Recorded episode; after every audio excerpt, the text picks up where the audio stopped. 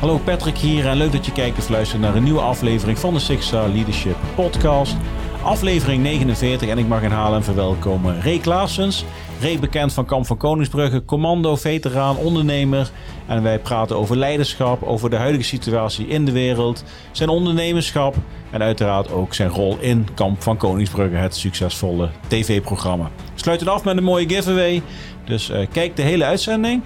En uh, reageer en uh, subscribe je sowieso op een van onze kanalen. Dat helpt altijd mee uiteraard. Dan ontvang je ook meteen een berichtje als er een nieuwe video, dan wel een podcast online komt van ons. En dat kan door je te abonneren op YouTube, Spotify, Apple Podcasts, Podbean, Google Podcasts en alle overige grote podcastkanalen. Je kunt uiteraard ook naar sixerleadership.com slash podcast gaan. Dan vind je een mooi overzicht.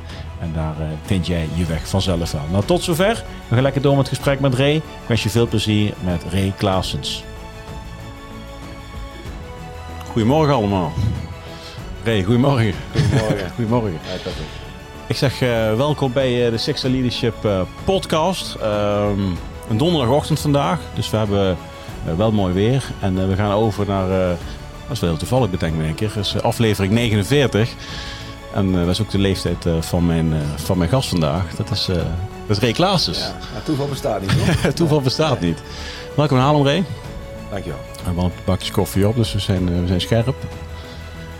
Afgelopen week weinig Kamp van Koningsbrugge gezien op televisie. Er is wat aan de hand in de wereld. Er is wat aan de hand in de wereld, hè? Ja, vorige week is hij inderdaad geskipt. toen voor eigenlijk om twee redenen. De eerste reden is eigenlijk uh, de nieuws, de berichtgeving rondom uh, het conflict. Mm-hmm. Rusland die Oekraïne net was binnengevallen. En de tweede reden was eigenlijk ook dat het uh, niet gepast was. Om op dat moment ja, toch een beetje een infotainment, entertainment programma rondom defensie uit, te, uit, ja, uit te zenden. dat is tot lang ook in deze week nog onzeker ge- geweest of, of dat nu wel gepast was. Maar op advies van onder andere ook Defensie is gezegd Mhm. van nee, dit is juist ook waarom het zo important is om nu Ja. te laten zien wat we allemaal doen. Dus eh, vanavond, nee, ja, ja, donderdag hè. Vanavond komt hij weer. Ja. 3 maart. Eh 3 maart. 3 maart, ja, ja, ja, ja. Dus iedereen die, uh, die, Precies, uh, ja. die uh, wat, wat, wat later is, zeg maar. Ja, Um, ik aflevering denk- 8. aflevering Ja. 8 is dat, ja. Is er, is er een verschil tussen, uh, want veel mensen zullen jou uh, waarschijnlijk kennen van Kamp van Koningsbrugge, uh, denk ik. Ja. Um, z- zie jij een verschil tussen de Ray in de eerste, het eerste seizoen en het tweede seizoen? Eh, als ik zelf nu kijk, ja, ik zie dat ja. ja. Maar dat, eh, waar het precies mee te maken heeft, weet ik niet. Want wij zijn 24 uur per dag op zo'n set. Ka camera-ervaring. Dat, ja, dat, is dan, dat zou het mooie verhaal zijn. Ik weet, misschien is het trouwens echt zo dat je wat makkelijker bent. Hè? Maar dat zou je toch na zo'n eerste seizoen en een tweede, derde aflevering moet je dat dan ook al verschil gaan zien. Het kan zijn dat het wat anders gemonteerd is. Maar ik denk eigenlijk dat het aan de kandidaten ligt. Er zit gewoon wat. uh, we hebben gewoon de kans gekregen om wat meer verdieping te zoeken met de mensen. En dan zie je toch ook een soort. Uh, ja, ook wat ik ook ben. Gewoon een zachtere kant die je dan naar voren kunt brengen. Um, die er in het eerste seizoen ook was, maar misschien wat minder gelegenheid voor was of zo. Ik weet het niet. Ik, weet het niet. ik hoor het vaker terug, dus die vraag begrijp ik helemaal. Uh, en ik zie ook wel wat uh, accentverschillen. Het is niet dat ik een heel andere fan ben. Dat geldt denk ik ook voor Dai en ook over andere instructeurs. Dus misschien is het ook met montage te maken. Maar ergens uh, schrijf ik het zelf met name toe aan de, de interactie tussen de kandidaten en onszelf. Oké, en uh, jullie zijn natuurlijk een team op zich, achter de schermen. Ja. Is het dezelfde club als, uh, als vorig jaar? Uh, nee, er zijn wel wat verschillen. Er is uh, één jongen hebben we, nou, dat is gewisseld. Er is een andere jongen voor teruggekomen. Paul zat in de eerste, er is Tim voor teruggekomen. En er zijn drie jongens actief mm-hmm. dienende, dan wel reservist, dan wel echt actief nog bij het KCT werkend. Die dus ook een rol vervullen. Die dus ook met een Buffy nou, het gelaat afgeschermd hebben. Mm-hmm. En uh, wat Bart de Graaf, hè, de, het hoofdwerving en selectie en communicatie van het KCT in het eerste seizoen deed, is nu eigenlijk vervangen door Wouter. Mm-hmm. En die, die geeft eigenlijk vanuit werving en selectie commentaar uh, zo'n on the site. Dus dat is een beetje een verandering in het format. En verder is dus het team um, qua instructies hetzelfde. En uh, qua productie en zo verandert er ja. altijd wel wat, maar... Uh, Weet je wie trouwens de volgende gast is hier? Weet ik niet. Dat is uh, Richard. Ja? Ja. Ah hartstikke leuk. Ja, ja. nou Richard is een van de drie die... ja. Wat wel grappig is, die daar natuurlijk helemaal afgeschermd Ja, is. ja. Maar eh, eigenlijk vol in die open bezig is met eh, Treefront. En eh, die doen het hartstikke goed, die jongens. Ja, met Green On. Ja, Ja. zeker. En een eh, super, super succesvol managementboek geschreven. Ja, gewoon een goede inborst. En eh, nou, mooi dat hij hier Ja, nee, ja, de groeten. Ja, nee. Ik zag hem vorige week nog met een bakje op. Dus, ja, eh, ja wij, hij is natuurlijk herkenbaar als een kleur haar. Hè? Dus dat is. eh, Ginger. Dus wat hij, wat hij voor zijn eh, gezicht doet, dat is. eh, ja, precies. Dat nee, maar, je niet. nee, maar zij zijn. eh, eh, ik kreeg eh, een maandje of vier, vijf terug, denk ik, eh, een berichtje van een van zijn collega's. Eh, die nog wel, voor mij Frank kan dat. Ja. die, die zei van, goh Patrick, weet je wel, mijn boek geschreven, wil je hem eens lezen?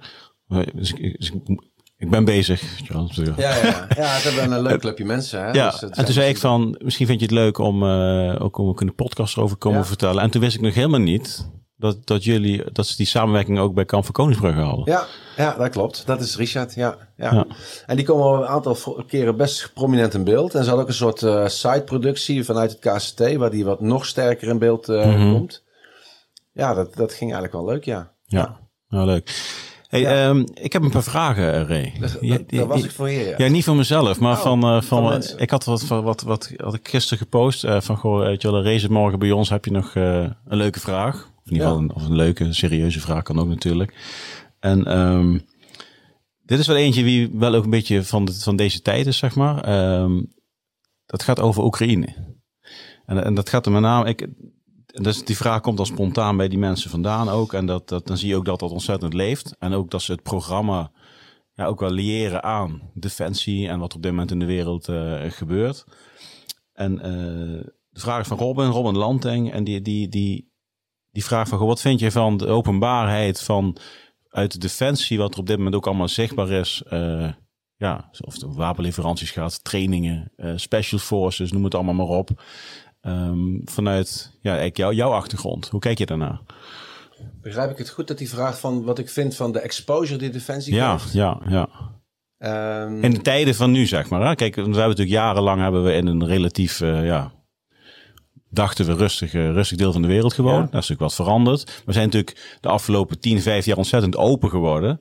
eh, in hoe wij ons exposure naar de buitenwereld toe. Enerzijds om natuurlijk een stukje werving en selectie en het verkopen van de organisatie. Eh, nou goed, daar kun je misschien wat meer over vertellen, want dat is denk ik ook wel deels een, eh, een van de doelen van een programma als Kamp van Koningsbrugge. Alleen nu zitten we in plotseling een hele andere tijd. Hoe kijk je daar nu tegenaan? Ja. Ja, ik, kan er, ik denk dat ik hier heel lang over kan praten. En misschien moet ik dat ook gewoon doen. Maar dan breek je er zelf in. Maar ik vind... Kijk, ik werk eraan mee, hè. Ik werk mee aan die exposure. En ik krijg soms ook best wel wat kritisch geluid uh, van... moet je dit nou doen? En dan zou je nog kunnen zeggen... is dan zo'n speciale eenheid nog anders dan Defensie? Maar voor mij niet. Um, want het gaat hier niet over dat we tactieken of mensen of operaties... of, nou, laten we zeggen, uh, geheime, staatsgeheime zaken delen. Het gaat hier om dat we een kijkje willen geven in die wereld... En niet per se een begrip te krijgen, dat zou je ook kunnen zeggen. Doe je dat dan om uh, te kijken waar het belastinggeld dan besteed wordt? Maar ik doe dat vanuit trots. Mm -hmm. Dus ik vind dat er mensen zijn die bloed, zweet en tranen vergeven. Soms tijdens, maar heel vaak ook daarna. Wat helemaal niet begrepen wordt. Er zijn mensen die gewoon met een knip in een oor, een kras over de ziel rondlopen. En dat komt ergens vandaan. En uh, we hebben de mond vol van, over PTSS. We hebben de mond vol over, uh, nou wat betekent het? Leave no man behind. Uh, we roepen eigenlijk te pas en te onpas. Mm -hmm. Maar als je mensen in de ogen kijkt die dat meegemaakt hebben... Dan, um, dan vind ik dat dat eerste dat met gepaste trots verteld moet worden. Maar dat je ook gewoon het verhaal van waar is dat nou ontstaan? Wat drijft mensen nou überhaupt om dat te doen? En het tv-programma, en zeker op sommige momenten, laat dat gewoon ja, in mijn beleving mooi. Waarde, vol met waarde maar ook gewoon met gepaste trots zien. Mm -hmm. En dat, dat gun ik gewoon eigenlijk iedereen in Nederland. Van weet dat er mensen zijn die voor jou opstaan om dit land te bewaken, te beschermen met, met alles wat hun lief is, vanuit passie. Uh, en die doen dat toch maar even. En dat krijg je dus nu, krijg je dat mee van hoe werkt dat vormen, dat opgeven, dat iets, iets oh, hè, ik bedoel eigenlijk opgeven van dingen van jezelf en iets over hebben voor een ander. Hoe werkt dat nou? En dan zijn er dus mensen die afhaken in zo'n programma. Nou, die, die, die vinden het kennelijk belangrijker om de pijn op dat moment van dat uurtje, wat meer is het niet, hè? Mm -hmm. Om dat gewoon uh, en te zeggen, ja, nee, voor mij niet. En sommige daarvan zeggen wij van, je hebt het niet, omdat je te veel agressie toepast, of omdat je uh, te weinig na kunt denken onder druk, of er zijn allerlei redenen dat wij er iets van vinden. Dat vind ik ook belangrijk. Niet iedereen kan dit, dat willen we ook meegeven. Maar er zijn ook mensen die het wel halen, die dus ten koste van alles door blijven gaan. En als je dan over persoonlijk leiderschap hebt, die dus weten van hé, hey, er is iets een dag van morgen dat ik verantwoording moet afleggen op de dingen die ik vandaag doe. En dat is wat Defensie natuurlijk in ultima over gaat. Dat je gewoon iets opgeeft, comfort, gemak voor een ander. Nou, en als je dat, dat nu plakt op de krantenkoppen van, van hè, wat er nu helemaal in Rusland gebeurt. Nu gebeurt het in Oekraïne, daar komen we misschien zo meteen nog wel even op. Maar dit kan dus ook gewoon gebeuren in Europa, in de NAVO, in de EU, in Nederland. En wat heb je dan voor lui nodig? Dan heb je dus dat soort mensen nodig. En niet iedereen die overal wat van vindt, maar lui die zich van zichzelf weg durven geven.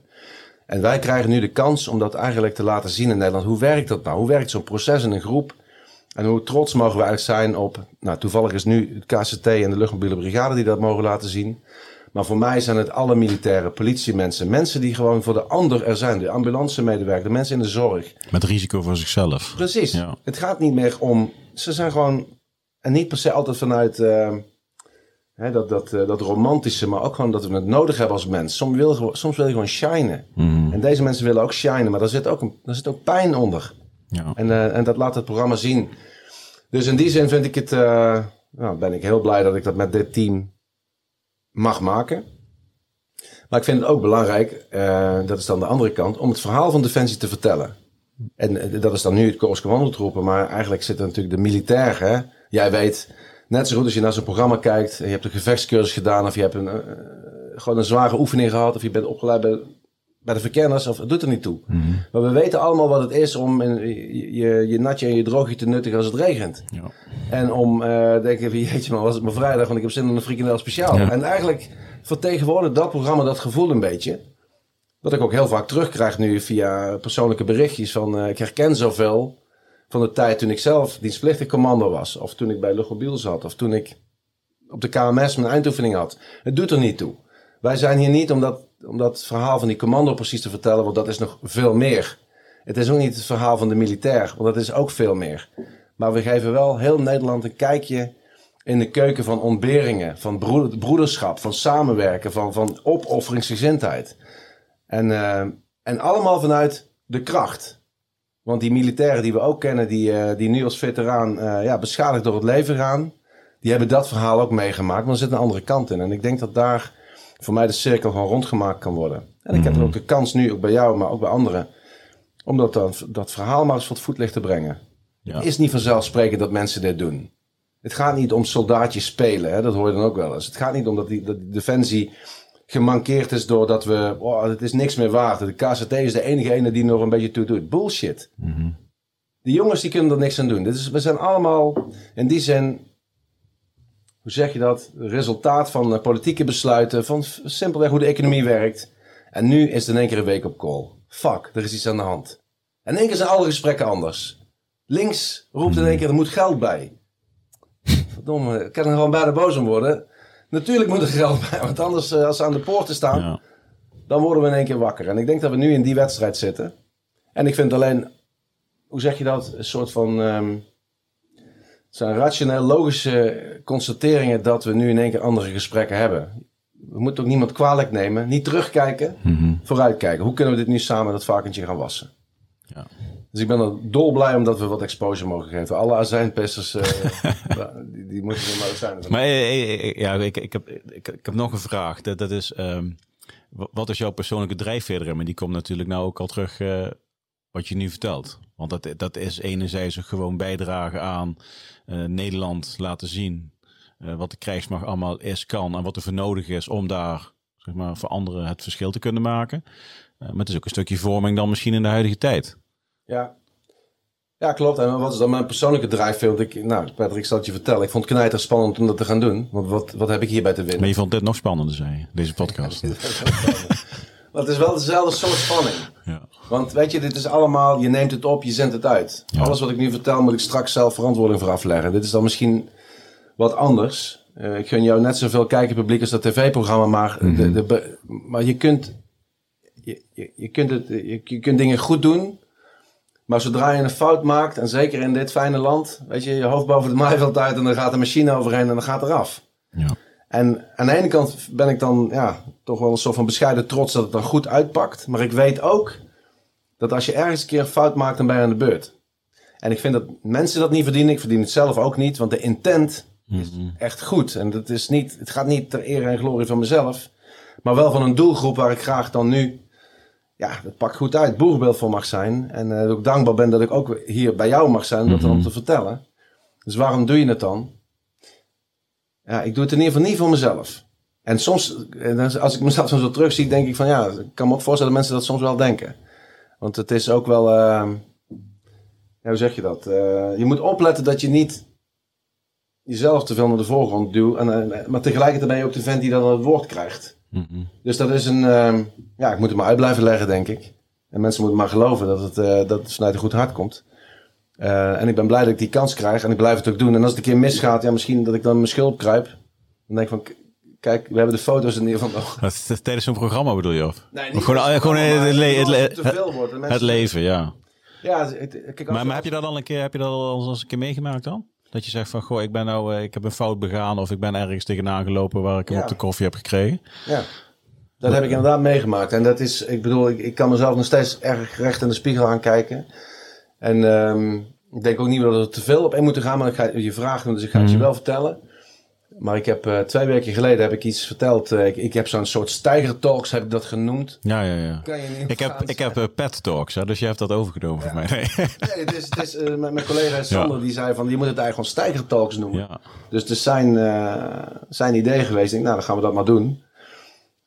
Maar goed, de, de, de, de, het idee is dat ik op basis van het tv-programma een soort onderwerp pak waarvan ik denk dat, dat wij als mensen in deze tijd, of dat nou corona is of nu Oekraïne, gewoon, er zitten lessen in. Lessen die we gewoon allemaal voelen.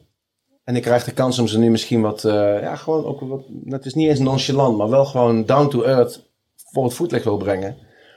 Dat het, ehm, het allemaal niet zo moeilijk is. Weet je, het is eigenlijk heel simpel. We weten het wel, we moeten het alleen ook gewoon vertellen tegen elkaar. En dat probeer ik in die twee minuutjes op zo'n stijger dan In, de, de wind en de regen. in de wind en de regen. Met je pa. Met mijn vader Ja, een keer. ja. En eh, soms, eh, nou goed. De onderwerpen die zijn eigenlijk eh, onderwerpen die jou mij... Maar bij, bij, doe je dat van tevoren instuderen? Heb je een bepaald onderwerp of ga je gewoon staan en zeggen van goh, eh, nummer Maar ik denk er 6? natuurlijk wel over na. En het is ook niet allemaal dat het meteen, meteen goed gaat. Een meisje neemt ze op. En dat is ook wel een goede eh, devil's advocate in die zin. Die zegt wel van, nou, het is gewoon, er zit geen energie in. Of, eh ja, zit geen energie in, dan krijgen we nou dan. en vanuit die boosheid, pats, dan, dan zit hij er wel op. Ja. Het, is, het onderwerp is niet ingestudeerd. Ik bedenk het ook niet. Dat hoor je ook wel, want ik verspreek me natuurlijk ook. En eh, ik, ik ben dan ook niet eh, zo'n perfectionist. Ik ben daar niet perfectionistisch in, dat het allemaal moet kloppen. Waar ik wel Maar dat is, de, dat, dat, het is bedoeling dat het een spontaan... ja, het is ook spontaan. Het is in spontaan. Het onderwerp is wel. Dus ja. ehm, daar heb ik al over nagedacht. Ik denk van, hey, nu moet het gaan over commitment. Of nu moet het gaan over vader-zoon. Er is iets gebeurd. Ik vond het mooi. Mijn pa was toevallig bij me. Dus denk, en ik heb gevraagd aan vind je dat wat? Dus, ja, dat vind ik niks. ja, we gaan het wel doen. Dus uiteindelijk komt het dan zo tot zijn, eh, tot zijn recht. Maar jouw vraag ging over, heb je wel eens opmerking gehad dat je zegt van, hé, hey, hier, ga je, hier doe je het niet goed. En dat niet, was- niet zozeer het programma, maar misschien je carrière of andere dingen. Ja, maar dat was die stijgertalk. Het ging over eh, een collegaatje die eh, nou, ver- verdacht wordt van, van eh, eh, ehm, nou, medewerking aan een criminele organisatie. Ik heb dat gewoon wat veiliger benoemd als die over de schreef is gegaan. Maar hier hoor je het al, die over de schreef is gegaan en is helemaal niks. Hij wordt verdacht van iets. Ja. En ik was me er super bewust van. Super bewust van, je moet opletten dat je die vent niet voor de trein gooit. Heb het ook laten controleren door, eh, door een mate van, maar jongens, zeg ik hier iets geks? Is dit, kan dit zo? Dus wel bewust van, hier moet je zorgvuldig mee zijn. En toch, als je dus met diezelfde kerel in de vuurlinie hebt gestaan. Als je je leven hebt te danken aan die vent. Waarvan nu, die wordt nu verdacht van iets waar we allemaal afstand van willen nemen. Maar hij heeft het nog niet gedaan.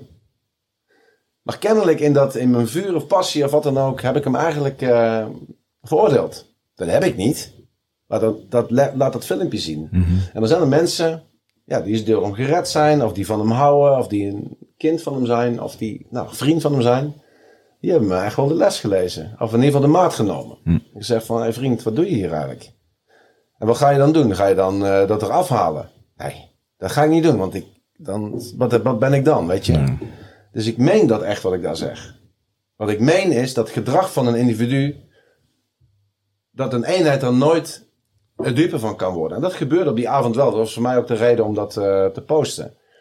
Maar tegelijkertijd heb ik best wel kritische gesprekken gehad met mensen die er pijn van hebben gehad. En toen dacht ik van ja, ik heb het gewoon niet goed gedaan. Hm. Te weinig benadrukt aan de voorkant. Maar wat je nu gaat horen, moet je wel even met een... Context geven. Precies. Ja. In de zin van als dit gebeurd is, dan is dit waar. Maar dat doe ik achteraf. En veel mensen die, die, die hebben dan een... Uh, en daar heb ik best wel een beetje moeite mee gehad. En, en eigenlijk nog... Want ik ga er nog op terugkomen. Ook op, uh, bij de volgende keer dat ik op die stijger sta, ga ik dan nog even uh, wat reflectie toepassen. Maar wat ik eigenlijk maar bedoel te zeggen is dat als je wat roept, dan heb je meteen ook verantwoordelijkheid. En daar moet ik aan wennen, want ik weet dat ook niet. En, en heel veel gaat gelukkig goed. Ook in zo'n tv-programma. Goed gemonteerd ook. Maar niet alles gaat goed. En dan ben je meteen aan de beurt. Ja. En dan moet je dan ook niet voor weglopen. Maar ergens denk ik wel van, verdomme, jeetje. Want dit is dus wat het ook gebeurt als mensen in één keer jou een soort van waarde toekennen. Ja, dan, heb, dan wordt je verantwoordelijkheid ook groter. Ja, en dan moet ik erg aan wennen. Het kan, het kan ook in één keer een andere kant uitslaan, inderdaad. Echt. En soms kan het mij gestolen worden. Want dan denk ik van, jeetje man, waarom, weet je wel? Ik bedoel, ik, uh, nu, nu, nu gaat het door mij. Maar ik, bijvoorbeeld Marco, ik heb net een, op de weg hier naartoe Marco's uh, podcast met jou beluisterd. Ik heb veel contact met hem. En wat hier gebeurt, het is niks ter, ter vergelijking van wat, welke ellende hij ook heeft meegemaakt. Terwijl ik denk van, het gaat niet zozeer om wat hij daar doet, maar de val die die jongen mee heeft gemaakt van echt, weet je, Nederlands, Nederlandse held. Hm. En voor mij is het dat nog steeds en zal het altijd blijven. En gelukkig voor heel veel mensen. Want er zijn ook mensen die er anders naar kijken. En ik gun ze die mening wel. Maar ik vind onszelf soms zo hard en zo weinig uh, mededogen hebben. En vaak vanuit Weet je, tussen uh, na het voetbalpartijtje met je zoontje. Even kijken, oh, dit, dit vind ik ervan, poink. En ik ga weer even aardappelen koken, want moederste vrouw komt zo thuis. Voor jou gewoon even luchten, zoals we dat inmiddels kunnen. Maar voor hem gewoon een beschadiging.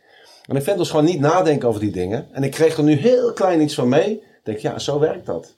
Zo werkt dat. Dus misschien moet Marco dan op sommige punten ook beter nadenken voordat hij wat eruit roept. Maar dat maakt hem ook zo'n mooi mens. Ja. Hij vloept het er gewoon uit. En ik vind, gewoon, laat die puurheid er gewoon, ja, ook gewoon gezien worden. En wees gewoon wat, uh, wat, wat, wat, hoe zeg jij zegt net context, maar wat, ja, probeer gewoon het licht te zien waarin dingen verteld worden. Mm en, en, nu gaat het dan toevallig over twee militairen. Maar het is eigenlijk gewoon in de breedte van de maatschappij, jongen. Als ik zie hoe hard we soms uh, op elkaar vuren. Maar is dat dat, dat, zie je overal. Kijk, want, want kijk ik, ik heb dan een podcast. Ja. ja, nou interesseert het me niet zoveel meer. Maar in het begin moest je echt denken, gewoon, wie nodig ik uit? en uh, wat gaat hij allemaal zeggen? Ik had op een gegeven moment had ik Bob de Wit hier. Ja, dat is iemand die totaal anders kijkt naar hoe de wereld eruit moet zien. Maar daar kun je nog steeds hele interessante gesprekken mee hebben en er iets uithalen wat je wil. Dus mensen die de podcast volgen, die gingen mij plots allemaal berichtjes zoeken, mijn kop halen om die man op de stoel neer te zetten. En ik denk van ja, die heeft zijn verhaal. Kijk het of niet. Als je er niks meer wil, ga je door met je leven prima. En iemand anders vindt het wel interessant. Kijk, en heb je natuurlijk, we hebben de, de corona-geneuzel uh, gehad of nog steeds. Oekraïne nu ook. Er is weinig nuance. Je bent in het leven tegenwoordig voor of tegen. En als je bij de minderheid hoort, dan ben je een eikel. ja. ja. Ik vind ik, dat is, wel, dat is wel een dingetje van de tijd. En, en dat is ook een, een voorbeeld wat we aan elkaar misschien moeten geven. Kijk, hoe kunnen we godsnaam hebben over vrede? Als we niet eens vrede kunnen hebben op onze eigen social media kanaal met elkaar. Ja, je zegt het precies. We, we gaan wel meteen de diepte in de podcast, maar dat zijn wel denk ik de essenties van ook van, van leiderschap, zelfleiderschap, omgang met elkaar. En, en iets, iets willen bereiken kan ook alleen maar als je met elkaar oprecht door het leven kunt gaan, denk ik dan. Ja, jij noemt dat ergens hè, zelfleiderschap, hè? Dus uh, nog los van de term die, die, maar ergens het woordje zelf Jongen, dat is zo onderbelicht. Want mhm. iedereen in de Bijbel staat, ik ben helemaal geen Bijbelse figuur, maar oh, als je... Je zou een prima herder zijn. Ik zou zo'n mooie herder zijn, jongen. Met een baard. Die vrijheid spreekt me trouwens enorm aan, weet je dat? Van een herder. Maar goed, los daarvan. Wat ik wil zeggen is dat dat stukje zelf, mensen die pakken een steen op en gooien hem, maar ze vergeten even echt wie ze zelf zijn. En ze kijken ook niet van wat zegt het eigenlijk van mezelf, dat ik zo dat zo makkelijk doe. En dus, dus, dus verantwoordelijkheid nemen voor datgene wat je zelf doet. En niet zoveel wijzen, maar pak eens gewoon vaker de spiegel. Kijk er eens in. En kijk eens wat jij eraan kunt doen in die situatie. Mhm. Het is altijd het makkelijkste om iemand te veroordelen of om dat bij, buiten jezelf te leggen. Maar het zegt ook iets van jezelf. Niet altijd slechte dingen. Zegt ook goede dingen van jezelf. Maar pak die verantwoordelijkheid. En ik denk dat we heel veel mensen slachtofferen voor niks. En ik denk dat, we, dat het ook heel veel van onszelf zegt. Ehm, ja, en, en ik doe er natuurlijk zelf net zo goed aan mee. Dat is meteen ook, uh, dat, dat hoort ook in dat gesprek thuis. Maar ik probeer me er wel bewust van te zijn. Het zegt ook iets van mij dat ik dit zo doe. Ja, maar ik kan me nog herinneren, eh, dat bij Defensie altijd zelf. Precies. Zelf. Dat was gewoon een woord. Zelf. Zelf, ja. Precies, ja. Maar er zit natuurlijk heel veel in dan. Want er zit, Er er, er, er zit natuurlijk in van, ja, ga, ga eerst even zelf nadenken. Ja. En kom zelf met een oplossing. Ja. Kom zelf in actie. En ga van daaruit zelf op zoek naar de hulpmiddelen die jij denkt nodig te hebben om uiteindelijk iets te creëren. Ja. Zelf. Maar er zit zelf, en er zit zoveel energie ook in. Hè? Dus dat je dus moeite doet, dat je Mhm. zelf moeite doet om iets te bereiken. Of om, om even misschien na te denken of op je tong te bijten. Dat je bedenkt van, Mhm. bedenk zelf nou het eerste wat dat betekent voor die ander wat je nu doet. Maar meteen ook dat als jij, als jij iets wil bereiken, dan kun je je hand uitsteken en hopen dat ze je meetrekken. Maar misschien moet je eerst zelf eens kijken wat je kunt doen. En dat, dat, dat, dat, dat morgen beter willen zijn van vandaag, dat het nooit vanzelf gebeurt. Daar moet je dus energie in stoppen. De Himalaya beklimmen is ook zwaarder dan hem afdalen. Maar bovenin heb je het mooiste uitzicht. Daarom kost het zoveel energie om iets moois te bereiken. Het makkelijkste is om bij de pakken neer te zitten. Zeg het lukt niet, help me. Nee, zelf.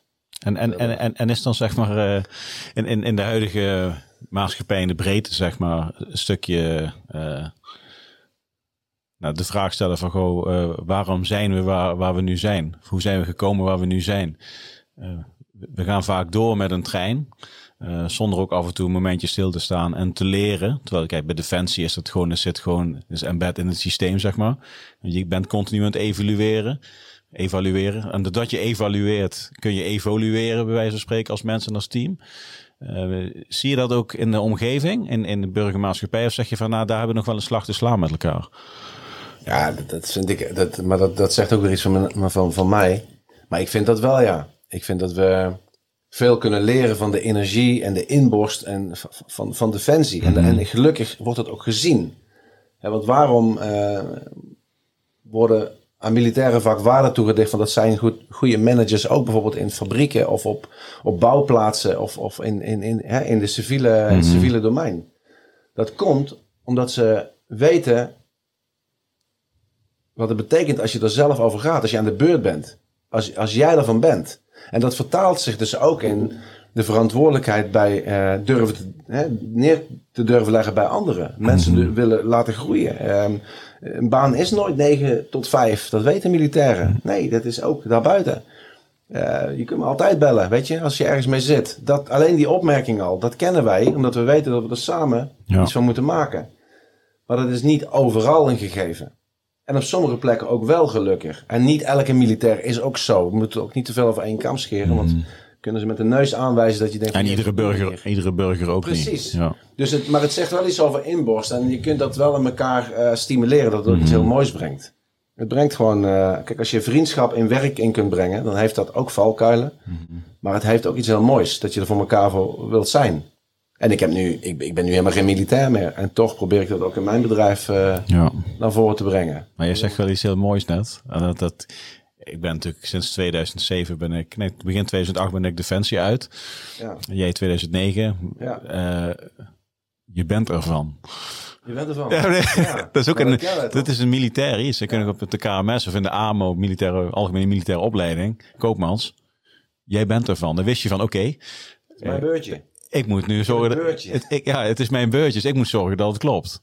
En, dan, en dan ga je aan en dan ga je op zoek naar de juiste dingen. En dan eh, hoor je hartstikke zenuwachtig en dan breekt het zweetje uit en de kamer gaat allemaal guts van je hoofd af. In mijn geval dan. Maar dat, je zegt zo mooi, jongen. Dat is toch precies... En dan ben je junior leider, hè. Dan kom je op de KMS, dan krijg je Ja. een beurtje. Bij 20, Maar dat 25, ja. gevoel, hè.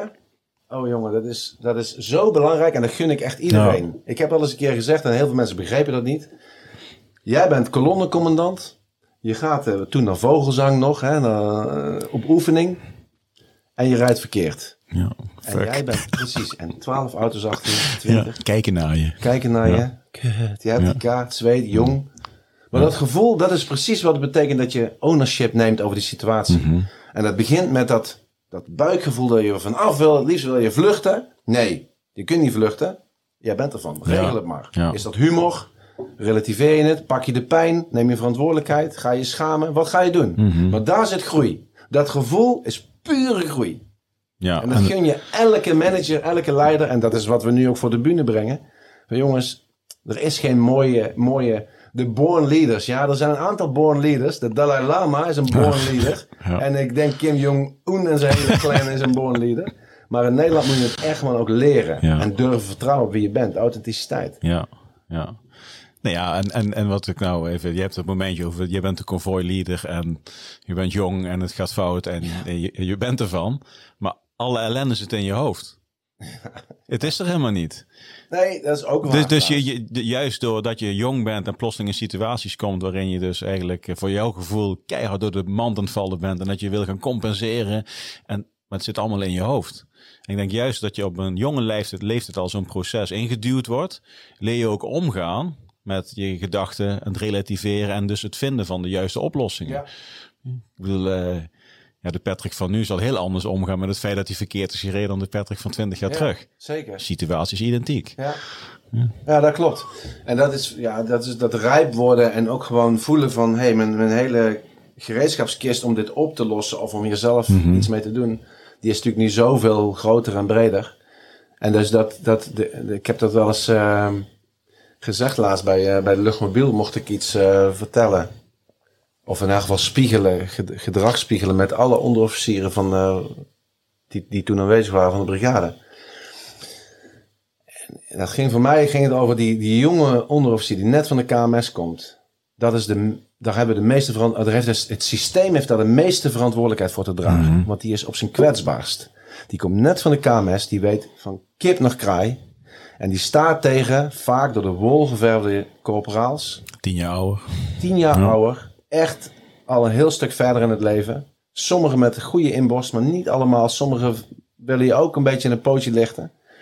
Maar dat is de jongen die leiderschap ervaart in de puurste kern. Niet de bataljonscommandant, niet de generaal, niet de pelotonscommandant. De jonge groepscommandant. En ik vind, ik was dan, ik was dan jonge luitenant. Ik, je hebt de verantwoordelijkheid te dragen voor die groepscommandanten. Terwijl je dat eigenlijk zelf nog niet kunt. Dus het is een hartstikke eh, vijandig systeem eigenlijk. Hè? Zo voelt het. Ja. Maar, heb je dan de OPC die er zeg maar voor de luiten? Precies, en dat Ja. is mijn volgende punt. De opvolgende. Ook eigenlijk nog een jonge vent, maar gast van een jaar of 30, Mhm. 35, die gewoon zijn streep al verdiend heeft. In mijn beleving is dat, daar moet je zoveel in investeren waar het gaat over mentorschap. Mhm. Want die maakt namelijk en van die jonge maten, maakt die gewoon goede leiders. En dat is ook de steun en toeverlaat voor de pelotonscommandant.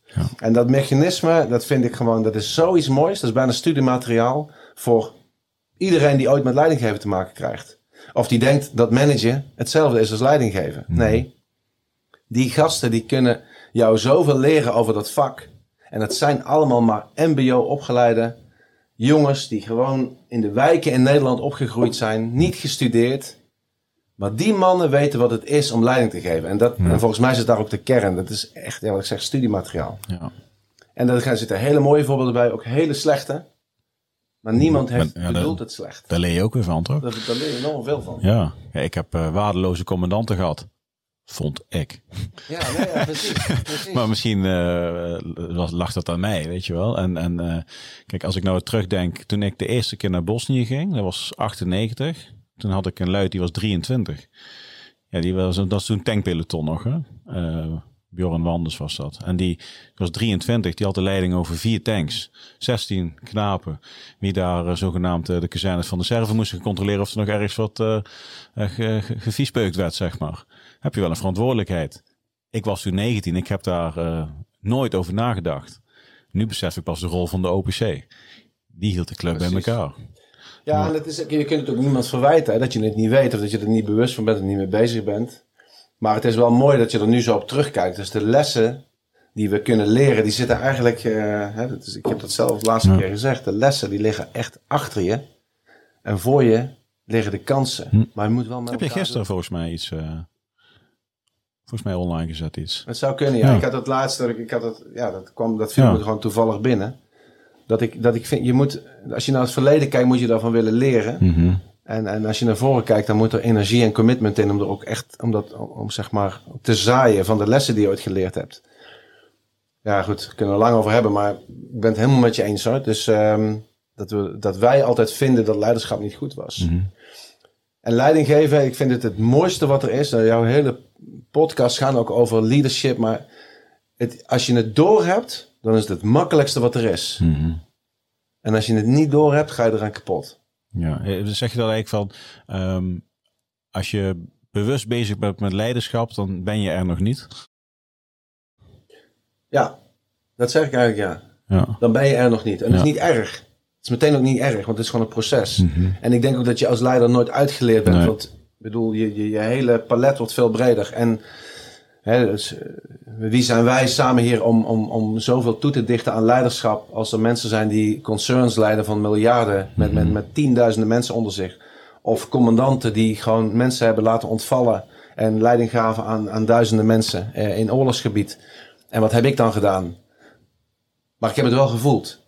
Ik heb het wel gevoeld wat het betekent om verantwoordelijkheid te pakken in een moeilijke situatie. Of om mensen te motiveren terwijl ze eigenlijk niet willen.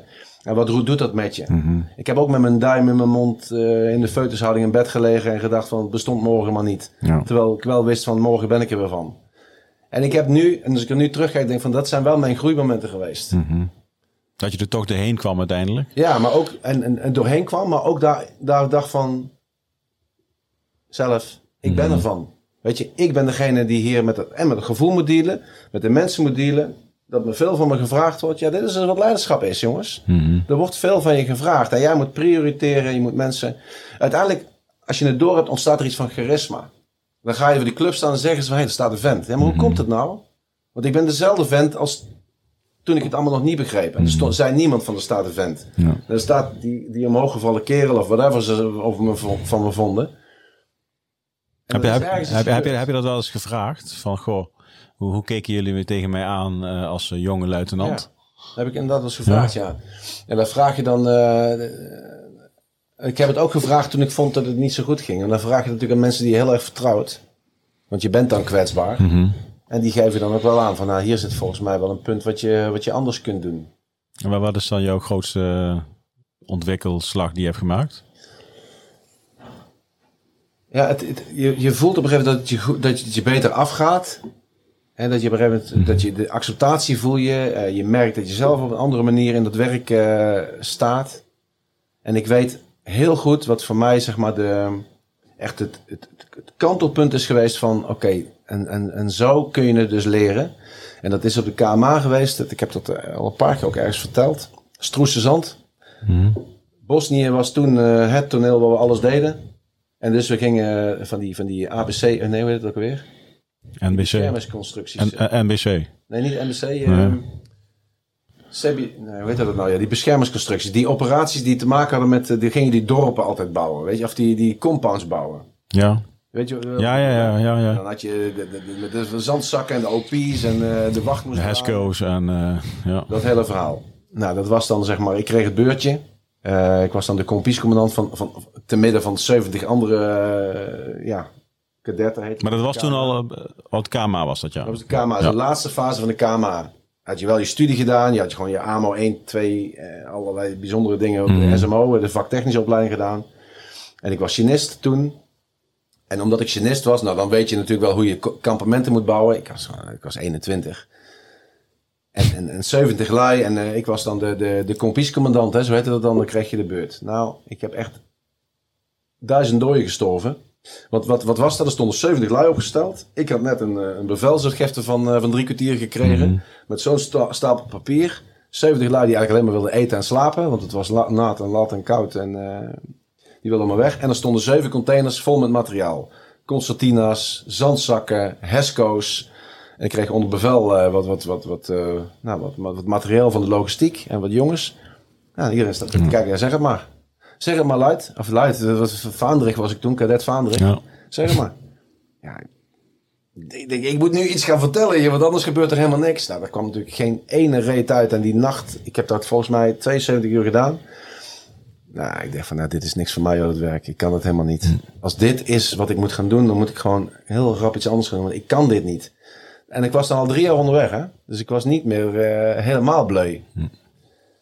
En op een gegeven moment dan zie je van, oké, ik heb de tijd niet genomen om een plan te maken. Terwijl ik wel echt al commandovoering al uh, les in had gehad. Ik heb geen goede ondercommandant aangesteld. Ik heb niet gezegd wat ik echt wilde. Ik heb geen rust gepakt. Ik ben gewoon maar gaan dingen gaan doen om te bewegen. Terwijl, uh, ja, dan kruipt op een gegeven moment de klad erin. En uh, toen dacht ik van, nou, dit gaat me nooit meer gebeuren. Nooit meer. Dus zo'n punt van, dit gaat me nooit meer gebeuren. Ja. Um, dus je kwam eigenlijk achter dat de basis niet op orde was? Absoluut. Vanuit jezelf? Ja. Absoluut niet. En niet vanuit, ik, ik, dat ik het, de, hoe noem je dat, dat ik in mijn pet naar gooide. Al, want zo zat ik helemaal niet in elkaar. Maar dat ik gewoon dacht van, hier moet gewoon veel meer voorbereiding in. Ik moet me veel beter voorbereiden op dingen. Ik moet me veel meer bewust zijn van wat het betekent dat als ik geen goed verhaal heb, dat er dus 70 lijmende kip zonder mm -hmm. kop rondlopen. Nou goed, en allemaal fouten die ik daar gemaakt Maar er is een soort moment ontstaan, ook met name naar de feedback die ik erop kreeg van dit gaat me nooit meer gebeuren. En het is ook nooit meer gebeurd. Ja. Dus als ik ergens niet van overtuigd was, dan ging ik er dus meer energie in stoppen. Dus mijn perfectie, want dat ben ik ergens wel, die zit, en dat, dat, dat ben ik echt van, van overtuigd, die zit op het niveau van, ik ga mezelf nooit verwijten dat ik er iets meer had, aan had kunnen doen. Dus als het misloopt, dan ligt het in ieder geval niet aan de energie die ik erin gestopt heb. Want daar zit alles in. En dat is ook wat mij later, qua drive en commitment, is ook mijn levensthema geworden. De balans met werk en thuis, weet je wel. Want ja, dat werk dat moet kloppen. Dus ja. er is ergens een sluitpost natuurlijk. Dus dat is nu het thema een beetje ja. als je meeluistert. Thuis moet ook kloppen. Thuis moet ook kloppen. Ja, dus dat, dat, dat, is wat ik, waar ik nu ben. Maar dat is wel um, een soort, uh, ja, de drive en energie die, die, die, ligt, uh, die ligt daar. Ja. Maar je, je, je haalde net een paar keer Marco Kroon aan. Die heeft natuurlijk ja. uh, leiderschap onder vuur geschreven. Ja. Daarin denk ik dat je heel erg uh, mooi de basis vanzelf, van leiderschap, terug ziet komen. Wat niet goed is opnieuw. En iets niet helemaal goed is dus fout. En daar begint het al mee vaak. Bij jezelf. Ja. Ja, kijk, als je voor jezelf voelt dat je de kantjes er vanaf loopt, dan voel je. Mm -hmm. hè, dat het ten koste van iets. Uh, en dan, dan weet je dus dat het eigenlijk niet goed is. Dan heb je dus niet alles uh, daarin gestopt wat erin had gemoeten. En ik vind dat leiders dat ergens. Uh, hebben ze die verantwoordelijkheid om, om te zorgen dat de zaak gewoon klopt. -hmm. Mensen hebben er recht op. En dan kun je ook gewoon in vrijheid gewoon mensen gewoon een mandaat geven of het zelf laten ontdekken. En ik vind ook dat, dat goede leiders, die maken leiders. Ja, dus je, doordat jij als, leider, als baas mensen in de vrijheid geeft dat ze de club kunnen leiden, ook het gevoel en de vrijheid en het vertrouwen hebben dat ze daarin mogen falen om beter te worden. Als je dat voor elkaar krijgt en dat vertrouwen meegeeft en je ziet dat je jou, jouw commandanten, jouw ondercommandanten, dat die eh, dat zich echt kunnen profileren en excelleren, dan doe je volgens mij iets goed. Dan kun je zelf gewoon terug en dan ben je er alleen maar als het nodig is. Mm -hmm. Om richting te geven, of om bij te springen, of om mensen te steunen, of om mensen te helpen. Maar dan volgens mij ben je dan echt. Uh, mm -hmm. Ja, dan, dan ben je volgens mij echt een volgende stap als, als, als leider of commandant. Ja. E ethiek. We, kregen op de KMS destijds ook lessen ethiek. KMA niet anders, denk ik. Um, als je kijkt, je hebt het net over bedrijven die miljarden, tienduizenden mensen, noem het allemaal maar op. Uh, politieke leiders. Uh, dan heb je het echt over uh, top-down mogen praten. In ieder geval mensen die uh, bovenaan de food chain staan, zeg maar mijn waarneming is dat zeg maar, hoe hoger je in die food chain gaat, hoe minder belangrijk ethiek wordt. En dat is echt een aanname hoor. Dat heb ik niet getoetst, heb ik niet onderzocht. Um, ja, ik ehm, hoop het in ieder geval niet. Want eh, het wordt steeds belangrijker hoe hoger Dat denk ik ook. Kijk, dus, dus als ik het nou heb over die, uh, die vrouw die op dit moment uh, op een marktplein um, leiding aan het geven is van inzamelen van spulletjes die zowel voor de Oekraïnse of de Russische kindjes zijn, dat doet er even niet toe. En daar als een operatie vanuit de intrinsieke motivatie leiding aan het geven is. Dat is toch wel de puurste vorm van leiderschap, denk ik dan. Er zijn weinig andere belangen. Dat gaat echt puur over het behalen van een missie en een doelstelling. Persoonlijke ziel ligt erin. En vaak zie je wel hoe groter de opdracht wordt. Hoe meer mensen erbij betrokken zijn. Hoe meer invloeden er zijn ook op dat soort partijen. Hoe minder ethiek een rol gaat spelen.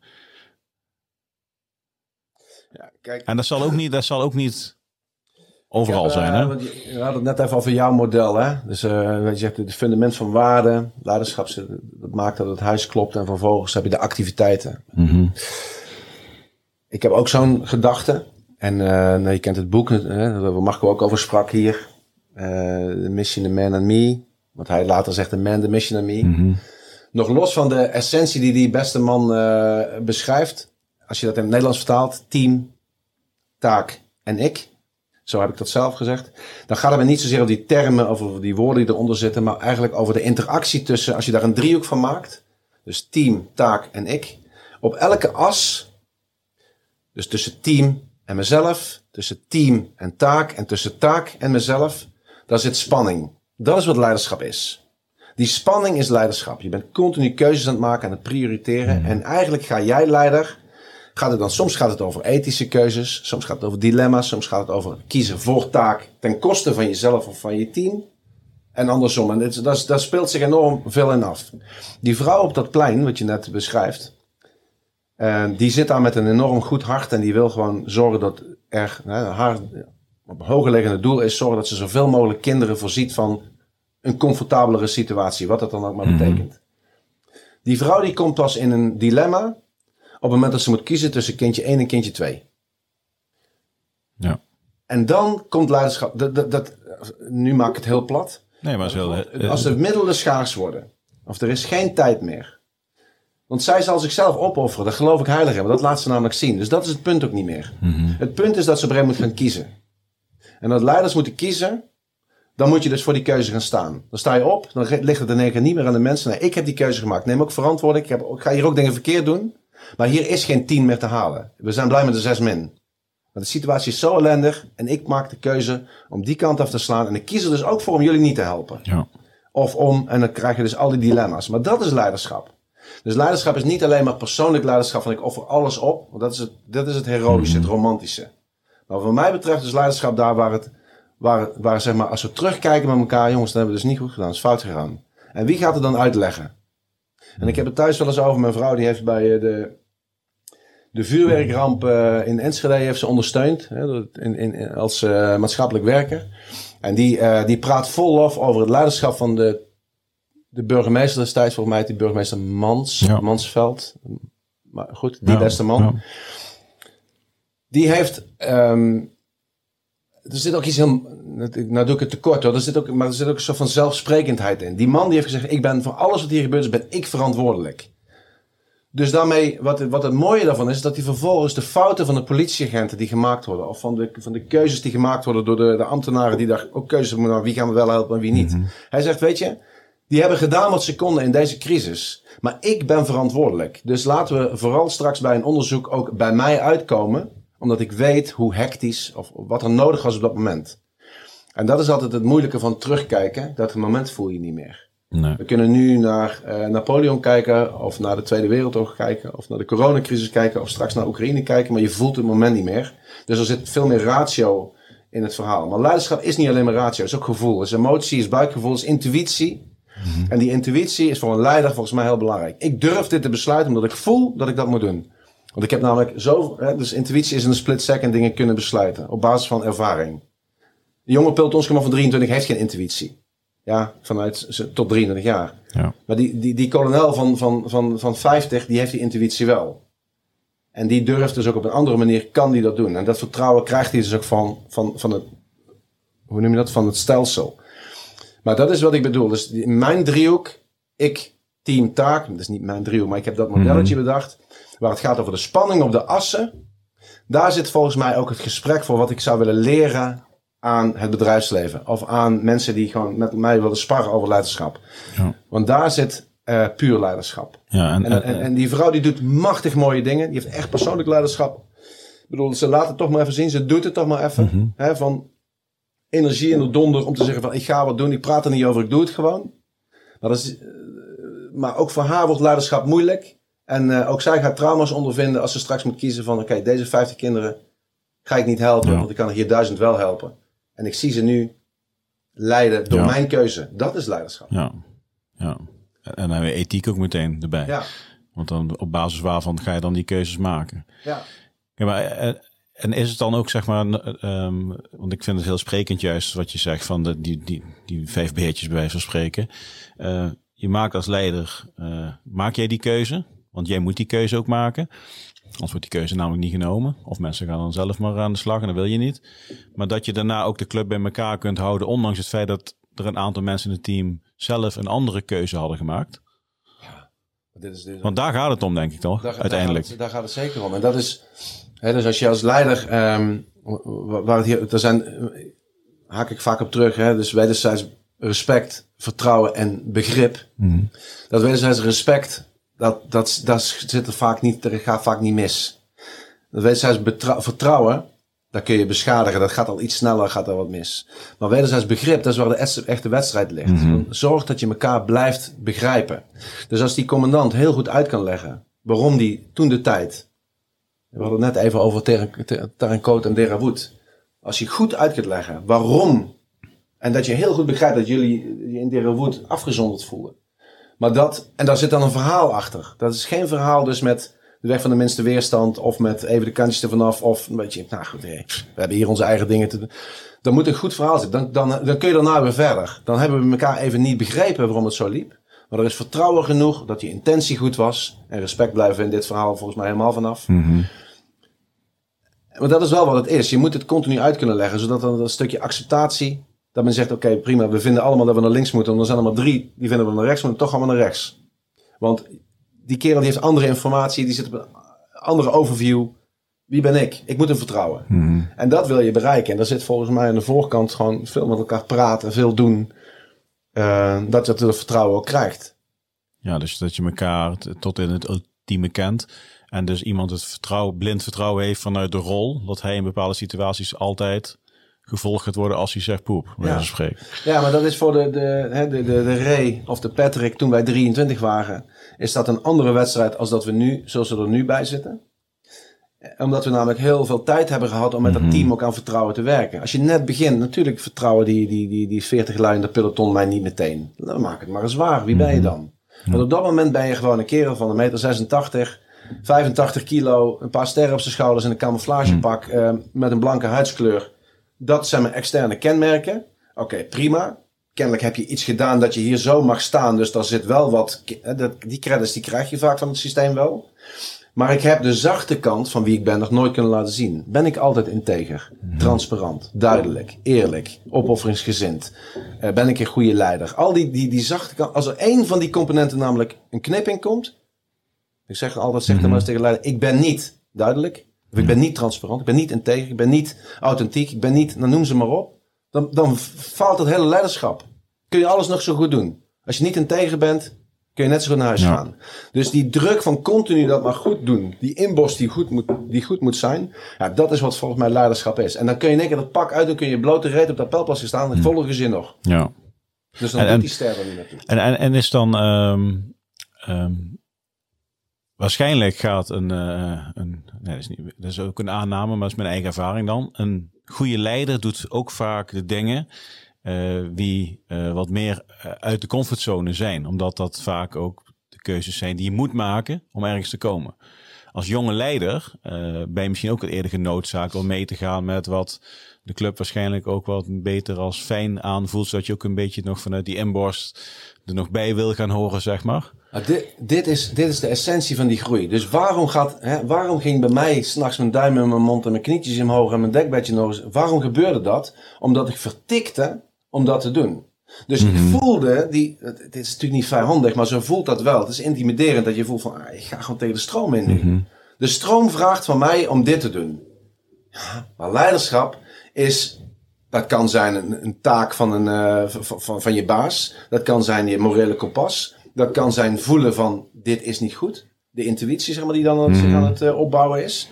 Maar ik, ik voel gewoon dat ik, ik, ik heb hier geen acceptatie. Want ik ga morgen iets anders besluiten. En dat is waarom je je zo één voelt. Of zo eenzaam voelt. En de enige met wie je dat kon, een beetje kunt spiegelen is met je peers om je heen. Hè? Jij komt met je groepscommandanten. Verdomme, ik weet het niet, maar wat, wat, wat doe ik verkeerd? Daar, dat is veilig genoeg. En als je dan geluk hebt, dan zit er een senior eh OPC bij die je daarin helpt. Maar het feit dat je zeg maar, ehm, en ik, ja, ik denk dat ik dat toch eh, ben geweest, dat durf ik van mezelf te zeggen. Niet dat ik altijd tegen de stroom in ging, want ik had wel gevoel voor, voor sentiment. Maar als ik dacht van nee, dit gaan we doen, dan gaan we het ook doen. En dan pak ik de pijn.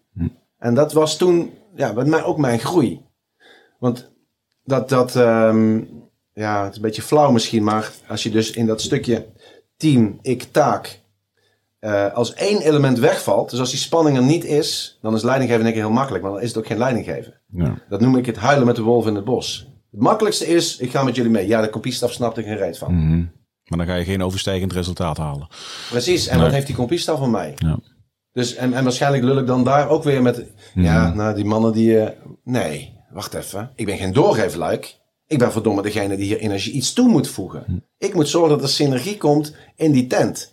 En dat betekent dus dat ik ook de pijn pak. Zelf. Daar, komt, daar, daar gebeurt het. In mij gebeurt het. En dat is een ontdekkingstocht. En ja, ik was... ehm, ik denk 3, 34 toen ik het pas echt, echt door had. Ja. En dan ging het over, dat- traject gaat het natuurlijk makkelijk in die tien jaar, maar daar zit groei in. En, en dan nog, hè, ik, ben toen, eh, nou, ik weet het niet, ik denk dat ik een jaar of 36, 5, 36 was dat ik wegging bij Defensie. Dan kom ik in een hele andere organisatie, waarbij de structuren niet meer zo homogeen zijn.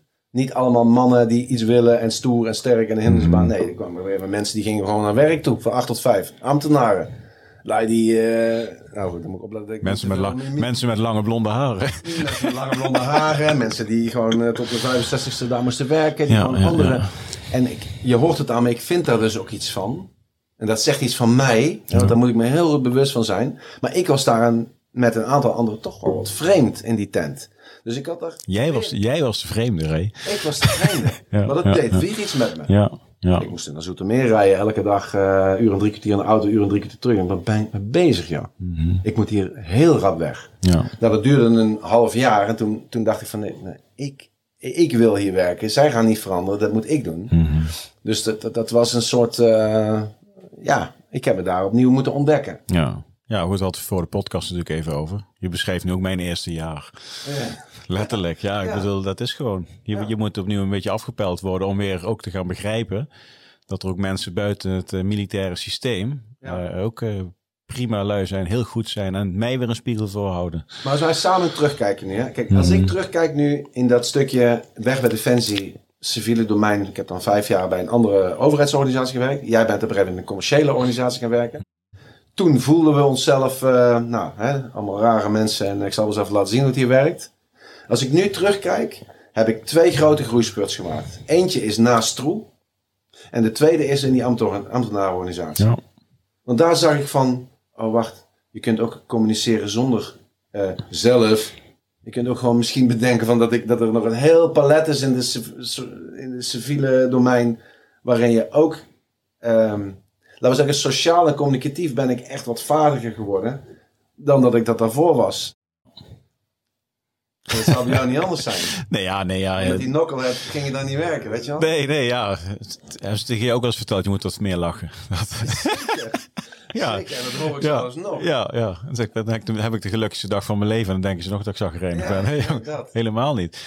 Nee, maar ik, ik, ik, ik, ik heb een momentje gehad met, eh, met die groep dan. We hebben daar even naar zitten kijken op die foto's. Ehm, waar ik op een gegeven moment ook, eh, waren wij de oefendorp in Marnewaard. Ook een voorbereiding voor, eh, voor Afghanistan. En eh, ja, het liep niet lekker. Ik heb dat wel eens vaak ook in de podcast verteld. En op een gegeven moment zeg ik van jongens, afhangen. We gaan nu op zo'n zoldertje zitten. Daar heb je die huisjes daar. Ik zeg van jongens, wat gaat er niet goed? Wat doe ik niet goed? Het, het klopt niet, weet je wel. En, want ik maak dan keuzes die anders zijn dan mijn voorganger deden. En in mijn optiek zijn dat de beste keuzes op dit moment. Want anders dan gaan we het niet redden.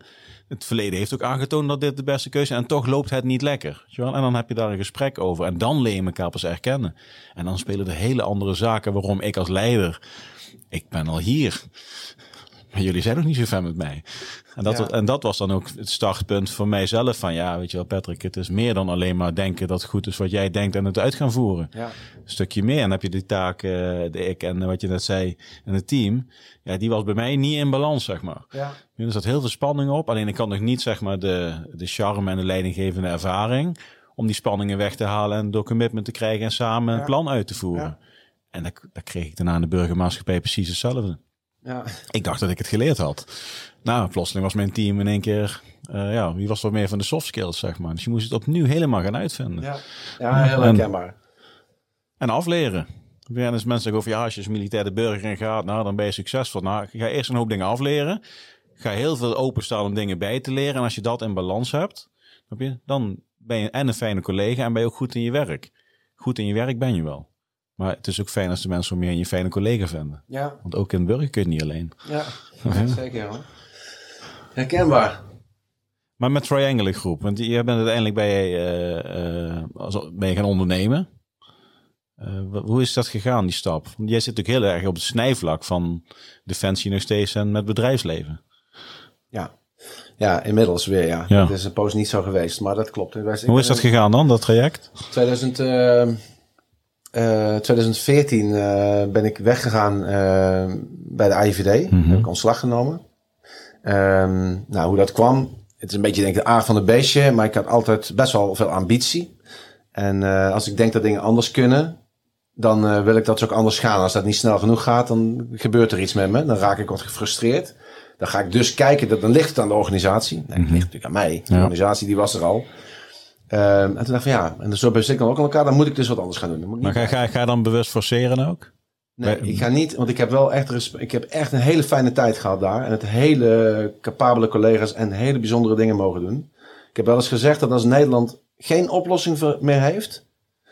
Dus in, de zin van problemen die op veiligheid, dan komen ze bij de IVD uit. En, dan, en dan krijg je ook, ook een soort van man- mandaat om het dan ook op te lossen. Nou, dat is mooier iets bestaat niet. Dus ehm, hele leuke dingen mogen doen. Maar toch, ik vond altijd dat, dat ik dat veel meer en veel sneller en, nou goed, niet, niet geheel terecht denk ik. Maar dat vond ik wel. En in dezelfde tijd, ik had altijd contact met Onno van Boven. Is mijn compagnon. Die heeft een soortgelijk eh, traject afgelegd als ik. Ehm, nou, allemaal net wel wat andere accenten. Maar die is uiteindelijk bij de MIVD gaan werken. Die heeft twee hele mooie operaties daar eh, mogen doen, langdurig. Eh, maar die had ook eh, zoiets van, ja, dat kunnen we ook zelf. Weet je wat we hier doen? Eh, maar is daar ruimte voor in de Zelf. markt? Komen we, ja, daar komen we weer. Dus ja, Ja. wij gingen wel altijd ont ontbijtafspraakjes één keer in de zoveel tijd. En ehm, ja, over dat werk kon je niet echt praten met mensen. Dat was ook echt niet not done. Maar met elkaar natuurlijk wel. En ik kreeg een beetje de, de leuke dingen van hem mee en hij die van mij. En we leerden ook, we hadden echt veel aan elkaar. Dus we zeiden op een gegeven moment van, nou weet je, misschien moeten we hier van maar eens mee stoppen en kijken of we dit voor het Nederlandse bedrijfsleven kunnen doen. Dus inlichtingen inwinnen voor het Nederlandse bedrijfsleven. En wat, wat zijn dan bijvoorbeeld eh, klanten waar moet ik aan denken? Hoe, hoe, dus hoe zou toen- jullie dat Toen voor? hadden wij voor ons, dan moeten dan de Shells en de Unilevers van, eh, van Nederland worden. Want die hebben strategische vraagstukken in gebieden die moeilijk toegankelijk zijn. Mhm. Eh, Fenomenen die niet meteen begrepen worden. Want de krant vertelt natuurlijk wat hij wil vertellen. Maar wat zit er nou achter die, eh, die headlines? Mhm. En dat levert natuurlijk in de raden van bestuur tot, tot kopzorgen. En wat wij zeiden, als zij kopzorgen hebben, dan is het geld waard om die kopzorgen weg te halen. Ja, dus even, even praktijkvoorbeeldjes. We, zijn, we gaan even vijf jaar vooruit in de tijd. Eh, grote eh, energiebedrijven denken weer na om eventueel weer in Oekraïne te gaan vestigen. We zijn, het is wel allemaal weer vrede, allemaal weer prima. Dan hebben jullie de inlichtingen Precies. om ze daar als, zeg maar, als eerste weer misschien die stap Precies, kunnen dit is zetten. precies wat het is. Dus market entry zou je dat dan noemen. Ja. Eh, of, als je dat nu hebt, op dit moment, weg wil gaan, Ja. is het een, moet ik weggaan of moet ik blijven? Moet ik weg uit Rusland of moet ik blijven? Ehm, dat zijn precies die voorbeelden. Mhm. En dan kun je dat doen door dat je zegt van eh, we gaan heel goed online monitoren. Hoe praten de Chinezen over het conflict? Hoe praat Rusland zelf over het conflict? En hoe kijkt de Amerikanen daarna? En hoe kijkt de EU? Het is hetzelfde fenomeen, maar van vier kanten belicht krijg Ja. je vier verschillende accenten. Maar dan de pure data en niet wat je vindt op, in de media. Precies, dus dan ga je dus achter die headlines kijken. En wat wij dan eigenlijk doen, is dat we ehm, eh, netwerken opbouwen van mensen die hier dus zicht op hebben. Dus als wij nu, ehm, nou we doen het niet in Rusland, maar stel voor dat we nu een, eh, een voorbeeld in West-Afrika zouden pakken. Waar iets aan de hand is eh, met, met olie en gas. En dan wil iemand gaan investeren of wil iemand er terugtrekken. Dan gaan wij kijken van oké, we gaan in de, eh, de politieke hoek kijken. We gaan kijken in de expert community. We gaan kijken in de ehm, verzets. Mensen die hier dus helemaal niet mee eens zijn. Dus vaak lokale bevolkingsgroepen. Zodat je van overal weet van oké, als dit dus de argumenten zijn eh, om iets wel of niet te hebben. Dan weet je dus ook wat je strategie is om met die mensen in, in gesprek te gaan. Want als Shell in gesprek gaat met een, een lokale bevolkingsgroep, dan heb je een continu botsen. Maar misschien zijn er wel andere gesprekspartners die je in kunt schuiven. En die dus die belangen behartigen van beide partijen. En dan komt er dus op een prettigere manier sneller een oplossing. Zoiets zou je kunnen bedenken wat, wat we doen.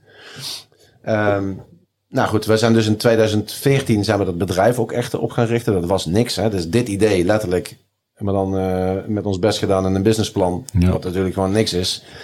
En een pen papier. Heb je hem nog? Ja, die hebben we Ja? zeker Ja? nog. Ja, en Onno heeft hem volgens mij zelfs uitgeprint. En eh, als we er nu naar terugkijken, dan is het nog niet eens zo Plan niet. gek. oh, eh. toch wel. Toch echt in die richting. Ja, Ja, dat lijkt er echt wel op elkaar. Wel, we zijn inmiddels wel wat, wat, wat wijzer geworden. Ja. Maar we kregen in één keer een, eh, grote klus in Angola. En dat ging over de- in de offshore een grote corruptieschandaal eigenlijk. Waarbij de reputatie hersteld moest worden. En eh, wij kregen die, eh, die kans. En dat ging echt wel om, voor toen, ons serieus poen. Eh, we dachten, zo, dit, als dit zo gaat, jongen. Anders, dit, dit komt goed met, met Onder mijn reet. Ja. Maar dat, dat project dat hebben we een jaar lang gedaan ongeveer. En daarna, ja, dan is dat, dat, de bedrijf was dat project. Er was natuurlijk niks. Dus we dachten, nou, dan gaan ze bellen, weet je wel. Maar jullie hebben in de loop van het jaar niet eh, zeg maar doorontwikkeld. Het was echt gewoon vol op, op die opdracht. Vol op. En dan Ja. zelf, eh, we hadden dan met een mannetje of, eh, ik denk een mannetje of 7, 8 eh, aan het werk. Mhm. Misschien iets minder, ik weet het niet. En zelf deden we in die operatie niet zoveel. Maar we waren er wel druk mee om dat goed te doen. We moesten verantwoording afleggen. En we moesten vooral zorgen dat die facturen betaald werden. Want anders dan... eh, maar goed, we waren echt een beetje kantoortje aan het spelen. Inhoudelijk klopt het perfect. Die operatie, heb ik al Ja. is nooit het probleem. Maar ja, de logistiek en de, de, de betalingen, dat, dat, dat was nog wel een uitdaging voor ons. Maar we hadden dus eigenlijk geen nieuwe business. Het lukte helemaal niet zo goed. Dus toen die klus klaar was, toen belde er natuurlijk niemand. Dus toen dachten we, jeetje, hoe gaat dit eh, werken? Ja. Maar je had, je had in dat jaar wel je hele fundament staan van de organisatie. Ja, maar dat was niks. Dat, Nee, oké, dat- maar qua- klanten niet, maar je had je, je documenten, je had waarschijnlijk je, je dingetjes allemaal ontwikkeld ondertussen. Of- Ja, maar er was allemaal geen... En, en zonder klant heb je geen business, Nee, weet je wel? Dus, Ja. dus dat levert ook echt wel wat spanning op. Eh, we hadden toen in die tijd nog een eh, derde compagnon. Daar hebben we, oh, oh, we zijn er gebroken met elkaar. Eh, niet, niet, niet per se heel vervelend, maar ja, je ziet dan toch dat als het niet zo goed gaat, Mhm. dan worden haarscheurtjes, die, ja, dat houd je eigenlijk niet meer. Eh, we hadden wel wat kleine klussen, kleine projecten. Maar we zijn toen eh, tot, de, tot de ontdekking gekomen van alleen in deze wereld zijn we niks. Dus we moeten in netwerken gaan zitten. Dus we hadden een, een, een gezelschap van Europese Alliantie van inlichtingbedrijven. En daar is het eigenlijk, eh, toen ging het in één keer heel veel beter. Dus toen gingen we begrijpen dat ehm, we hebben heel veel gedaan in clandestine eh tabakssmokkel en, en namaaktabak en alles wat daarmee te maken had. En er ging een stukje van het geld ging naar economische delicten. Hè, dus gewoon de, ja, de accijnzen die ontdoken, die, die men on- ontdook, zeg maar. Maar ook zware criminaliteit werd hiermee gefund. En terrorisme. En toen kwamen we een beetje in die hoek van, dat vinden dus overheden vinden dat interessant. Eh, niet per se overheden, maar agentschappen die aan die overheden gelieerd zijn. Die wilden dit gewoon onderzocht hebben. En langzaam maar beter kwamen we, of wel zeker kwamen we beter in dat wereldje van die inlichtingen. En toen zijn we in Suriname zijn we heel veel gaan doen met een, eh, voor, een, voor, een, voor een partij. En dat probeerden we ook meteen eh, opleiden en trainen aan te koppelen. Eh, dat zijn we in Libië gaan doen. In het Midden-Oosten, in Qatar hebben we, Mhm. rond, rondom Qatar, Syrië, Irak hebben we veel gedaan. Pakistan, nog wat, wat vreemde exoten. En, en Noord-Afrika eigenlijk in de hele regio. Maar dat trainen dat kwam dus eigenlijk in 2017, 18 steeds meer op de, op de noemer. En toen zijn we in eh, 2018 gevraagd door eh, de kolonel Hulst. ehm, van ja, ik, ik, eh, commandant van de DGOTC in Hollandse Rading, daar waar medi- medische training gegeven worden. En die zegt van ja, ik zit gewoon echt omhoog met capaciteit. En eh, ik heb eigenlijk gewoon ook een, een probleem met, eh, nou, met het centrum aan zich. Kunnen jullie eh, instructiecapaciteit leveren? En dat is eigenlijk de eerste stap geweest dat we onze focus naar Nederland ging. En die is er eigenlijk ook niet meer weggegaan. Ja, dus eigenlijk eh, opgeleid burgerpersoneel voor Defensie. Ja, Zeg ik dat goed? ja. Ja. Ja, en dat doen we nu eigenlijk eh, voor, een- voor een groot deel met Triangle Group Academy. Dus we hebben twee ondernemingen, de Intel kant en Academy. En inmiddels hebben we, ik weet het niet hoeveel, maar echt, nou, volgens mij negen accounts bij, bij Defensie. En een aantal ook al gedaan. En daar zitten gewoon stevige raamcontracten onder. Dit is niet meteen meer weg te denken. Nee. Het gaat dan vanuit... we hebben net een tender toevallig eh, gewonnen ehm, op land 10. Dat zeg je nogal wat. Dus in Nederland... eh, Mhm. Laten we zeggen, als we de politie moeten versterken met defensie, nou, dan heb je daar natuurlijk, dan ga je werken onder de politiewet. Daar zit natuurlijk eh, een boel opleidende trainen. Ja. Er zijn alle infanteriepelotons en alle pelotons van de mariniers en van de genie die daar doorheen moeten.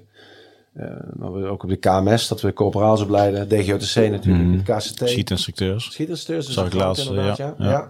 Dat is ook heel leuk, die gaat ook heel erg goed. Ja. En, en, en, Maar ook- dit had je niet verwacht toen je in 2014... Nee, helemaal Dus niet. eigenlijk bij een eh, werving en selectie... Nee, eigenlijk ja, eigenlijk een uitzendbureau. voor opgeleid personeel voor specifieke taken en rollen? Of? Ja, nou kijk, wat, wat wij doen is, kijk, uitzendbureau die, eh, die zijn er ook. Hè? Er zijn dus uitzendbureaus die Defensie helpen met personeel. Dat, dat, en die, die, die, nou, er is een behoefte aan twee koks. Ik noem maar iets geks. En zij regelen dan twee koks. Punt. Dat doen wij niet. Dus wij, soms ontwikkelen we opleidingen. Dat doen we bijvoorbeeld voor de luchtmobiele brigade nu op dit moment. Ehm, maar ook, ook op andere stations. En dan, dan, zeg- dan wordt er echt gezegd van we willen bijvoorbeeld de search-opleiding. Die, die ken je ongetwijfeld. Eh, er is ook een, eh, een, een soort opvolging daarvan. Meer om de doorzoekingen van KALA's te doen bijvoorbeeld. Ehm, field collection wordt die opleiding genoemd. Nou, die moet helemaal van A tot Z ontwikkeld worden. Dat doen wij. En dan leren we dat vervolgens in, eh, in dit geval in vijf opleidingen uit aan de geniecompie van de luchtmobiele brigade. Dus van A tot Z bemensen, maar ook de handboeken Ja, schrijven. En, ehm, nou, dus dat, dat is één, ene kant van het spectrum. En de andere kant van het spectrum is eh beschiet een trainerschool. Die hebben een behoefte om eh, instructeurs, in, instructiegroep zware wapens, lichte wapens, eh, panzerbestrijding en de basisschietenssteurs. Die moeten opgeleid worden voor de krijgsmacht. Er zijn een gigantische wachtlijsten en ze krijgen het niet voor elkaar. En zij hebben zeg maar dit, dit vraagstuk. En wat wij dan doen is dat we eigenlijk een pool aan mensen ehm, vinden die dus daar heel veel zin in hebben en kwalitatief capabel zijn om dit ook te doen. Maar met name een continuïteitsoplossing te bieden. Dus als nu eh, de Schiet- en Trainschool vindt dat ze in Baumholder een, eh, een, op, een oefening moeten ondersteunen, dat we dan dat ook gaan ondersteunen. Dus eigenlijk continu op de vraag inspelen met een, met een pool aan mensen. Heb je al een belletje gehad uit Den Haag? Eh, ja, een aantal. Nee, maar dat gaat natuurlijk, als we de geluiden mogen geloven, gaat het natuurlijk mega veel naar de groei van Defensie. Dat zullen voor jullie ook een rol gaan eh, Ja, betekenen, denk ik. ik, ik, ik zou volgens mij is dat ook een voorbode. Dus je moet mede- meedenken zelfs hoe je dat gaat doen. Ja. Ja, maar als je naar Amerika kijkt, dan kijk je eigenlijk, eh, zo ziet het er bij ons over 10, 15 jaar ook uit. Dus daar is dat al veel normaler. En hier heb je nog wel een beetje, nou, wat ook een beetje chagrijn natuurlijk wel, van moeten we dit nou echt eh, willen met de defensie? En ik snap het supergoed, hè. Maar de keerzijde is, ik voel me net, net zoveel militair als de militair die er nu werkt. Ik ben het alleen niet qua rechtspositie. En dat geldt voor jou waarschijnlijk hetzelfde. Ja. Want jij hebt gewoon een groen hart. En dat zijn, al die mensen hebben een groen hart. Dus dan moeten we sowieso van afblijven als het gaat over de intent, denk ik, van die lui. Dan kun je nog iets vinden van de vergoeding. Maar dat is ook allemaal broodje aap verhalen. Want die jongens die dragen allemaal eigen risico. Als er geen werk is, hebben ze niks. Dus dat is gewoon appels en peren vergelijken. En dat is... eh, met corona hebben we het gezien. Als Defensie er op dat moment de stekker uittrekt... dan zitten al die jongens gewoon zonder werk. Als je is militair, heb je gewoon je zekerheden. Terecht. Dus we moeten dat ook niet met elkaar gaan, eh, gaan vergelijken.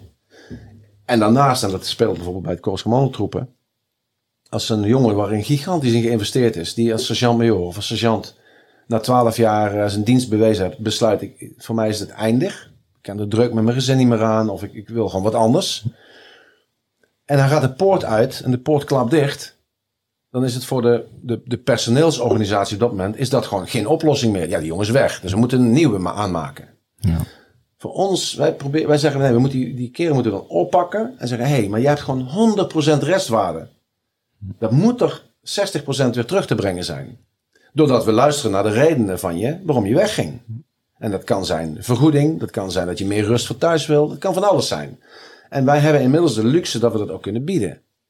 Maar we gaan met die man natuurlijk wel het gesprek aan van als je, als je dus nog voor Defensie gaat werken, dan willen we dus ook, jij moet wel die gecommitteerde vent zijn. En, en de verrassing is dus dat dat zijn de kerels die er weggaan, die staan met gigantisch veel charisma en energie voor een club VEVA-soldaten. Ja. Mind you, een SF-operator met een staat van dienst van hier tot Jericho.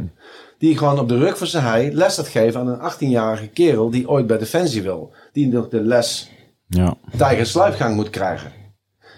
Maar de energie en het enthousiasme wat die vent op de mat legt, daar heeft iedereen... Ja, die, die, die, die, die jonge gasten, die, die kijken er tegenop als een Ja. huis. ja. De sociale ballast is eraf Ja, bij zo'n persoon. ja. Dat is mooi hoor. Ja. Dat is mooi om te zien en, eh, en dat doen we dus echt enorm graag. Het gaat ook heel goed. Maar, maar is, is het dan een soort van commerciële natres, mag ik dat zo noemen? Of? Eh, nee, ja, kijk, nee. Want de, nater, en de, de natres en allerlei, allerlei reservistenconstructies... die moeten ook vooral gewoon blijven bestaan. Dat moet ook vooral voor Defensie de eerste go-to zijn... Om, om aan te vullen wat nodig. Maar soms vul je het dan nog niet op. En als er dan iets overblijft... dan vind ik dat er ruimte is voor de flexibele schil commercieel. Zoals Ja. commerciële partijen zoals die van ons. Maar er zijn er meer. Ehm, wij willen onszelf opstellen als strategische partner. Dus Defensie moet ook gewoon problemen die ze hier voorzien met ons kunnen bespreken. Zodat we daar adaptief op kunnen reageren. Want wij zijn echt voor duurzaamheid. We willen het over tien jaar nog doen. Ja. Dus ik pak liever nu eh, nee, of het kan nog niet, of wat dan ook. Maar inmiddels is het zo dat ook wij reservisten eh, inzetten. Dus die hebben wel de militaire status, maar die krijgen dus een private bezoldiging als het normale reservistenconstruct eigenlijk geen oplossing eh, biedt. En dat, ehm, ja, ik geloof dat daar een toekomst, eh, echt een toekomst Ja. voor ligt. Ja, dus dat zorgt ook voor een betere flexibele schil. Op Ja. ke- kenniskunde, specialisme voor, Ja. voor een krijgsmacht. Ja, Dan kun je veel beter meebewegen met de situatie in de wereld. ja. Want, want ik hoop dat we niet terug gaan naar een, naar een tijd waarin we structureel uitgaan dat de derde wereldoorlog losbreekt. Op het moment dat je piekt, moet je er ook staan. ja. Kijk, en daar, daar moeten we ons op gaan inrichten, zeg maar. Ja, en zo kunnen wij dat, en wij kunnen dat ook doen. En natuurlijk hebben we dan wel iets van zekerheid nodig, want die piek die moet je op kunnen vangen met mensen die je dus ook aan je kunt binden. Dan hebben we wel wat andere projecten, maar ergens zit dan natuurlijk, en dat is een beetje het gesprek wat ik bedoel. Ja, Kijk, en die, die, ehm ehm, nou ben ik het even kwijt. Ik wil net nog iets zeggen over die, die, die jongens die bij ons werken, die dus voor de, voor de VEVA bijvoorbeeld staan. Dat zijn dezelfde lui die ze ook een AMO zouden kunnen geven op het KCT of de KMS een corporaal op kunnen leiden. Maar waar de essentie volgens mij zit, is dat Defensie eh, hun primaire taak de focus kan houden. Terwijl in de opleiding al van zeggen, nou, dit kan ook door een eh, wat oudere gediende. Ik bedoel, jij kunt ook een corporaal opleiden. Makkelijk. Je weet precies wat die vent eh, moet kennen en kunnen. Ja. En je hebt de kennis en kunde. Hoezo zouden we dan een sergeant wegtrekken tegen de zin in uit Oorschot, in Ermelo, binnenslapen. Die ook Terwijl- papadagen, cursussen moet doen. Eh, dan moet hij weer terug naar de eenheid, want ze hebben een eh, reunie, eh, weet ik veel wat. Mhm, hè, ja. Een regimentsdag. Terwijl bij ons heb je gewoon ja, 100% leveren is 100% betalen. Dus als die vent niet betaald wordt, of niet nodig is, hoef je hem ook niet te betalen. nee. Dus ja, ik vind het eigenlijk een no-brainer eerlijk gezegd. Alleen we moeten wel een beetje voorkomen dat het aanzuigende werking heeft. Want dat, als Defensie dus mensen tekort komt, dan moet je niet zorgen dat de, tekort, dat de mensen nog meer weglopen naar een particuliere partij en dat eigenlijk gaten met gaten vullen. Mhm. Nou, daar kunnen we heel goed afspraken over maken. Ja. En ehm, ja, wij zijn wat dat betreft, ehm, we denken super constructief mee, maar we kennen ook echt onze plek en we willen daar bescheiden in opstellen. Dat, dat, is, dat lijkt niet altijd zo als je ziet hoe vaak op social media verschijnen, maar dat is ook gewoon, ja, je wil gewoon ook gewoon de, de, de beste lui aan je trekken. En dat, daar moet je toch ook zichtbaarheid voor hebben, ze moeten je Ja. weten te vinden. Dus ja, komen we weer op dat allereerste vraag van je. Ja. Exposure, wat is dit? Is dat een bakker? Nee, nee, dit is de, zon, de zonnecollector. Nee, de, Ah. de, zon- de zonneschermen. Oh ja. Nee, maar dat je met exposure, ja, exposure is ook nodig om, om kenbaarheid te maken. Mhm. Nelson Mandela zei het wel eens, hè? je moet niet in het donker blijven staan. Als je in het licht moet treden, dan moet je het doen. Ja. Alleen wel met de juiste intentie. En dat, eh, ja, weet je, dat, dat, daar moet men maar op vertrouwen. Dat Ja. is zo. ja. Mooi man. Maar lullen we niet? Nou, we zijn er lekker aan het kletsen, of niet? Ja. Ik kan niet hoe lang zijn bezig. Record. Goh, meer een uur al, hè? Nou, Ja, dat is een uur al. Ja, ik ben drie kwartier aan het woord geweest. ja, sorry, sorry. Nee, maar jij, jij, jij gaf eh, voor de uitzending al aan dat je soms wel eens eh, herkend wordt op straat. En ik, ik zei ook van, je beseft ook wel dat dat na deze uitzending nog, eh, nog groter wordt. Hè? Nu begint het pas. hè? Nu, nu begint het pas, het echte leven. Ik had nog één vraag en dan gaan we lekker daarna afronden. Ehm, komt er een Kamp van Koningsbrugge eh, drie, seizoen drie? Hoe ga ik dat nou eens even tactisch doen? Ja, ik weet niet hebben we een ik- primeurtje. Ik, weet niet of, ik weet niet of ik daar... Ik weet, laat, ik weet het niet. Nee. Ik weet het niet. Ehm, maar als ik zou kijken hoe de...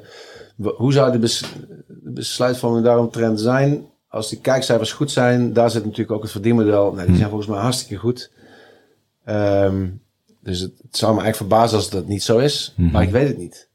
Dat is het Nee, eerlijke antwoord. nee er is nog geen, eh, geen krabbel gezet of, eh, of wat voor dingen. Nee, en dan zijn wij ook geen partijen. En eh, Nee, wij worden nee. natuurlijk, in die zin zijn we natuurlijk ook gewoon maar artiesten, figuranten. En eh, we doen ons best, maar Maar zie je, zie je het als een versterking van datgene wat je zojuist vertelde over de Wrangler groep? heel erg. Zeg ja. maar het uitdragen, vorming, Ja. juiste mensen aantrekken, lat hoog al op een bepaald niveau Ja. leggen. Heel erg. Kijk, want zeg maar, Piepeltje 0.0, zeg maar, die, die wil niet met jou in gesprek gaan. Met alle respect, hè? Dus je hebt dan mensen die wel committed zijn en geïnteresseerd zijn in dat je ook de juiste mensen aantrekt. Ja, ja dat, is, eh, dat is zeker waar. Dus je kunt daar gewoon...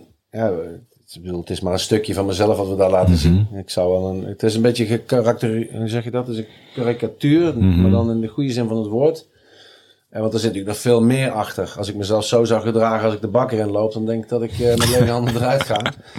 Nee, maar Ja. het- het- wij geloven wel dat wat al de instructeurs laten zien, dat dat nodig is om iemand tot inzicht te laten komen van wie ben ik nou eigenlijk en ben ik geschikt voor dit, eh, voor dit vak. En dat is eigenlijk wat we willen. Ja. En vroeger ging het natuurlijk van, eh, hey, je bent een hondenkont en je bent niks waard en eh prutser. Ja, dat zegt dan alles over wat ik van jou vind, maar daar gaat het niet om. Het gaat erom, heb je zelf inzicht of je dit kunt, ja of nee? En ben je bereid en heb je de wilskracht om dat te laten zien? Ja. En ik vind dat wij dat optimaal moeten faciliteren. Soms met een beetje humor. Soms eh, kun je ook echt boos worden. Of kun je ook gewoon echt eh, daar wat afstand van nemen. Of zacht zijn. Als dat het proces maar dient om degene tot inzicht te laten komen van... hé, hey, ik word hier nu gevormd. Mhm. Er gebeurt iets met me. Want dat is wat we willen bereiken. En ik denk dat dat eh, sowieso in het leven heel waardevol is. La- laat mensen in een gesprek komt tot inzicht. Nieuwe inzichten het liefst. En doe er dan vervolgens iets mee. Mhm. En dat mogen we, ja, mogen we laten zien. Ja. En eh, over wat voor periode wordt eh, de hele, hele seizoen opgenomen? Ja, dat is, dat is acht aan eens gesloten dagen. Is echt in een week tijd. Ja. Wordt, wordt zeg maar de setting gecreëerd. En, Ja. en dan neem je een kijker in principe mee. Ja. Dat iemand een maand of twee maanden daarin zit. Ja. ja, het is aan gesloten. Dus, eh, er zit Dus het vergt, voor jullie, het vergt voor jullie eigenlijk ook maar een, een ja, wel de voorbereiding natuurlijk en de, de, de stijgen toch, dat soort dingen allemaal. Maar het is minimale tijdsbesteding dan. Ja, dus de echte opnames. Nou, dan heb je wat, eh, twee dagen daarvoor bij er dan. Dus dan zijn we een dag of 10, 11 zijn we dan mee bezig. Eh, het allereerste seizoen hebben we wel echt wat eh, stevig wat betekend in de... Hoe zeg je dat? In de, in de ontwikkeling van het programma. Ehm, in het tweede seizoen heeft Koos Commandotroepen daar echt die rol ook echt gepakt. Dus dat heeft ons ook echt ontzorgd. Logistiek, maar ook qua programma en planning. En dat hebben wij ook wel gemerkt. Dat was dus veel wel beter doordacht en voorbereid. Is de betrokkenheid van de Defensie ook eh, versterkt? In, in, het, in het tweede seizoen zeker.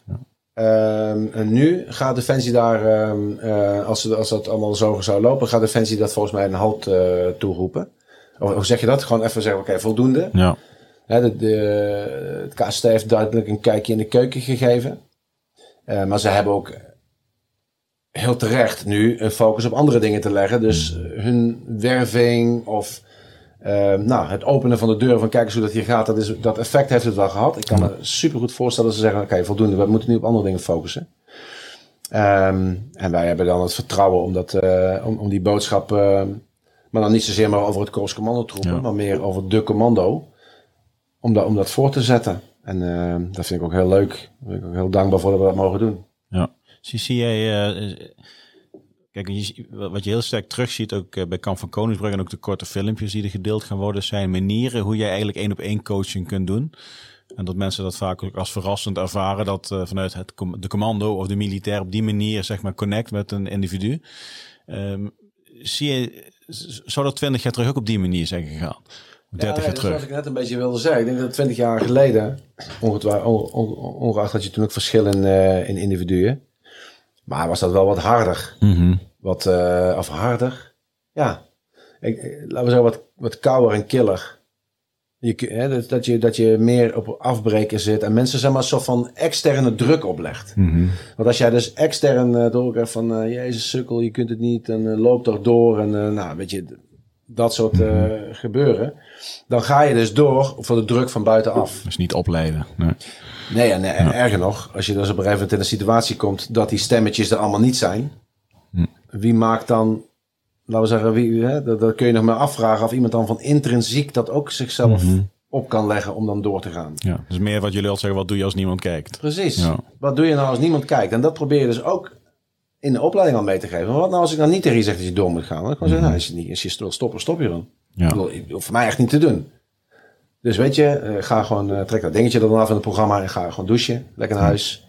Dan is het dus kennelijk niks voor je. Ja. Maar dan moet je het dus echt uit jezelf halen om door te zetten. En dat is ook wat je, ja, hè, als je onder vuurcontact ligt, ja, die, die kogels maken wel dat je, eh, dat, dat je gaat dekken. Ja.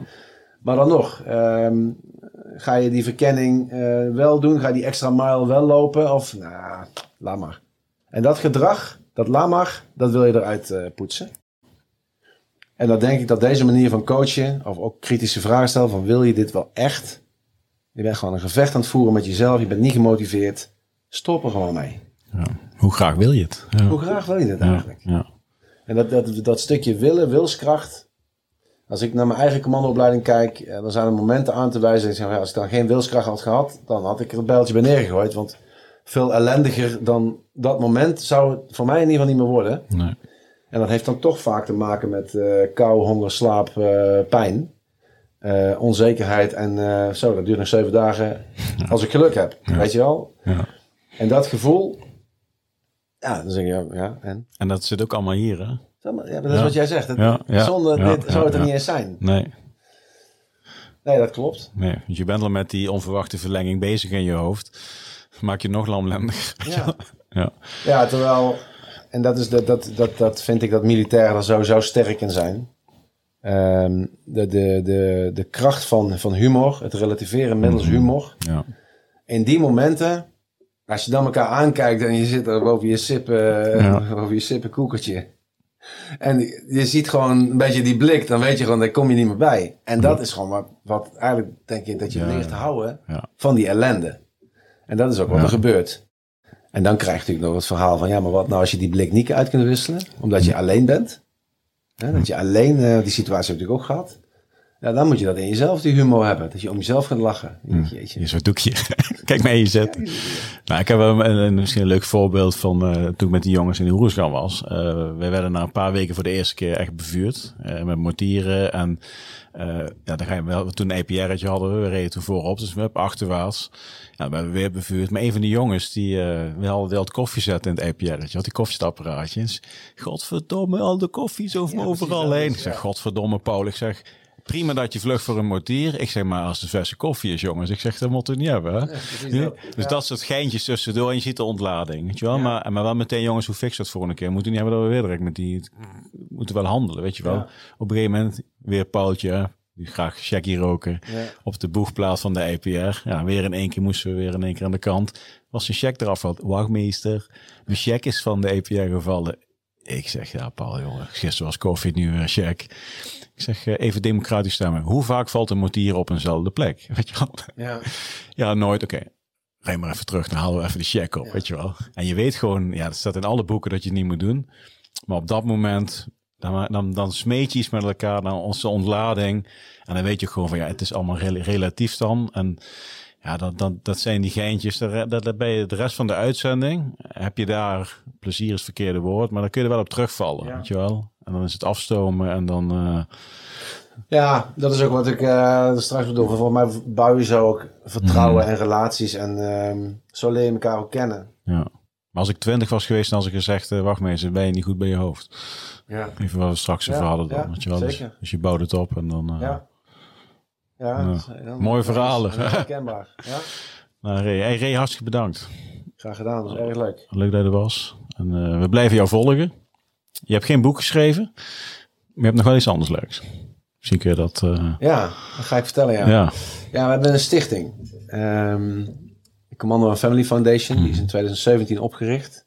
Dat gaat eigenlijk, uh, we hebben een doelgroep bepaald van de commando's die na 1993, dus dat toen de, de waarneming en verkenningseenheden overgingen in commandotroepencompagnieën, die sindsdien uh, commando zijn geweest uh, met hun gezinnen en iedereen die eigenlijk sindsdien het KST gediend heeft, dus het kan ook een marinier zijn of een logistiek of de verbindingsdienst, of, doet er niet toe. Um, waarbij we eigenlijk voor willen zorgen dat als ze ooit in slecht weer zitten, uh, dat we er voor ze zijn. En dat kan zijn omdat het, het zorgsysteem van Defensie uh, niet sneller kan reageren of bij wet niet meer kan doen. Um, dat we eigenlijk iets hebben wat heel snel kan schakelen. En dat, uh, dat loopt uiteen van even een kaartje naar, naar een gezin wat het slecht heeft, tot aan, um, we hebben laatst iemand geholpen die, um, moet ik even kijken hoe dat nou, die had een agressieve vorm van MS. Hmm levensbedreigend. Die uiteindelijk naar Mexico moest voor een, uh, uh, ja, een, een, een stamceltherapie. Mm -hmm. Daar was een boel uh, centjes voor nodig. Dat we daar zelf dus ook voor inspannen. Dus van heel klein tot soms levensreddend en groot. En in alle kleuren en hoedanigheden. Er is dus geld voor nodig. Uh, nou, dat regelen we allemaal. Dat loopt allemaal als je eens een keer wil kijken. Dus uh, de, de website Commando en Family. Ik zet een linkje bij de, de podcast. Hartstikke ja. leuk. Ja. Mark van Rielen, uh, een van de jongens, secretaris, die spreekt er ook een filmpje in. Legt hartstikke goed uit van wat gaat het nou eigenlijk over. Maar daaraan gekoppeld hebben wij een, een kledinglijn opgezet. En wij, dat zijn Dai Carter en Onno van Boven, die zijn echt de initiatiefnemers daarvan en maken zich ook hard voor. Waarbij de opbrengst volledig gaat naar de stichting. En de kledinglijn die heet Danger Clothes. Nou, Marco mm. Kroon heeft hier verteld, verteld over Danger Close. Mm-hmm. We weten allemaal wat het is. Hè? Als je in de Penergie zit, dan roep je luchtsteun in en dan kan het wel eens te dichtbij komen. Maar dit gaat dan over het woord kleding op zijn Engels. Clothes. niet zo goed. Cloth. Cloth. Danger clothes. Ja. Het woordgrapje daar is dat uh, als je dus in nood zit, kun je bellen. Hè? Normaal gesproken roep je luchtsteun in, maar hier kun je dus de stichting uh, bellen. En het logo, daar, ik heb het nu niet bij me, maar het logo is een dolk van het KCT. Mm. En het coördinator onder van het tentenkamp, waar de commando's opgeleid worden. Uh, en dan een D en een C van Danger Clothes. Daar hebben we patches van, shirtjes, truitjes, uh, van allerlei dingen. Er is ook een website van. Maar ik ga in elk geval uh, drie shirtjes doneren eigenlijk. om onder jouw luisteraars ja. Um, nou ja, te verloten, laten we het zo maar zeggen. En ook een beetje kenbaarheid te geven van dat dat merk bestaat. Het is echt een heel cool kledingmerk, dan zeg ik het zelf. maar dat wijst die website wel uit. En het is allemaal uh, ja, 100% to the course. Met andere woorden, het gaat echt naar de, naar de stichting toe. Nou, heel goed. Dankjewel. Dankjewel. Ja. Super goed initiatief, denk ik. Ik zet het uh, linkje zet ik, in de podcast beschrijving. Of je nou op YouTube, Spotify of op wat nog meer? Apple, Apple Podcast. Ja. Noem ze allemaal maar op. Um, en ik ga het niet actief benoemen. Dus degene wie de uitzending helemaal heeft afgeluisterd, dat is belangrijk. Die ziet dit dus. En ja. die kan mij een berichtje sturen uh, onderaan de beschrijving van de podcast of het e-mailadres wat erbij staat. En dan kun jij kans maken op, op dit mooie ja. item. Dus, Super. Nou, top. Ray, dankjewel. Succes met de dingen en top, we spreken elkaar.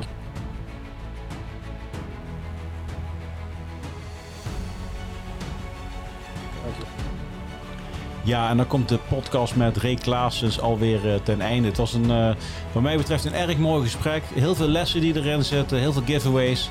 Dus uh, voor mij betreft missie geslaagd. Ik vond het ontzettend leuk om met Ray dit gesprek op te nemen. Ik wil jou bedanken als kijker, ik wil jou bedanken als luisteraar. Ik wil Ray bedanken voor zijn komst vanuit Heel in Brabant naar Haarlem in Noord-Holland. En abonneer op ons kanaal.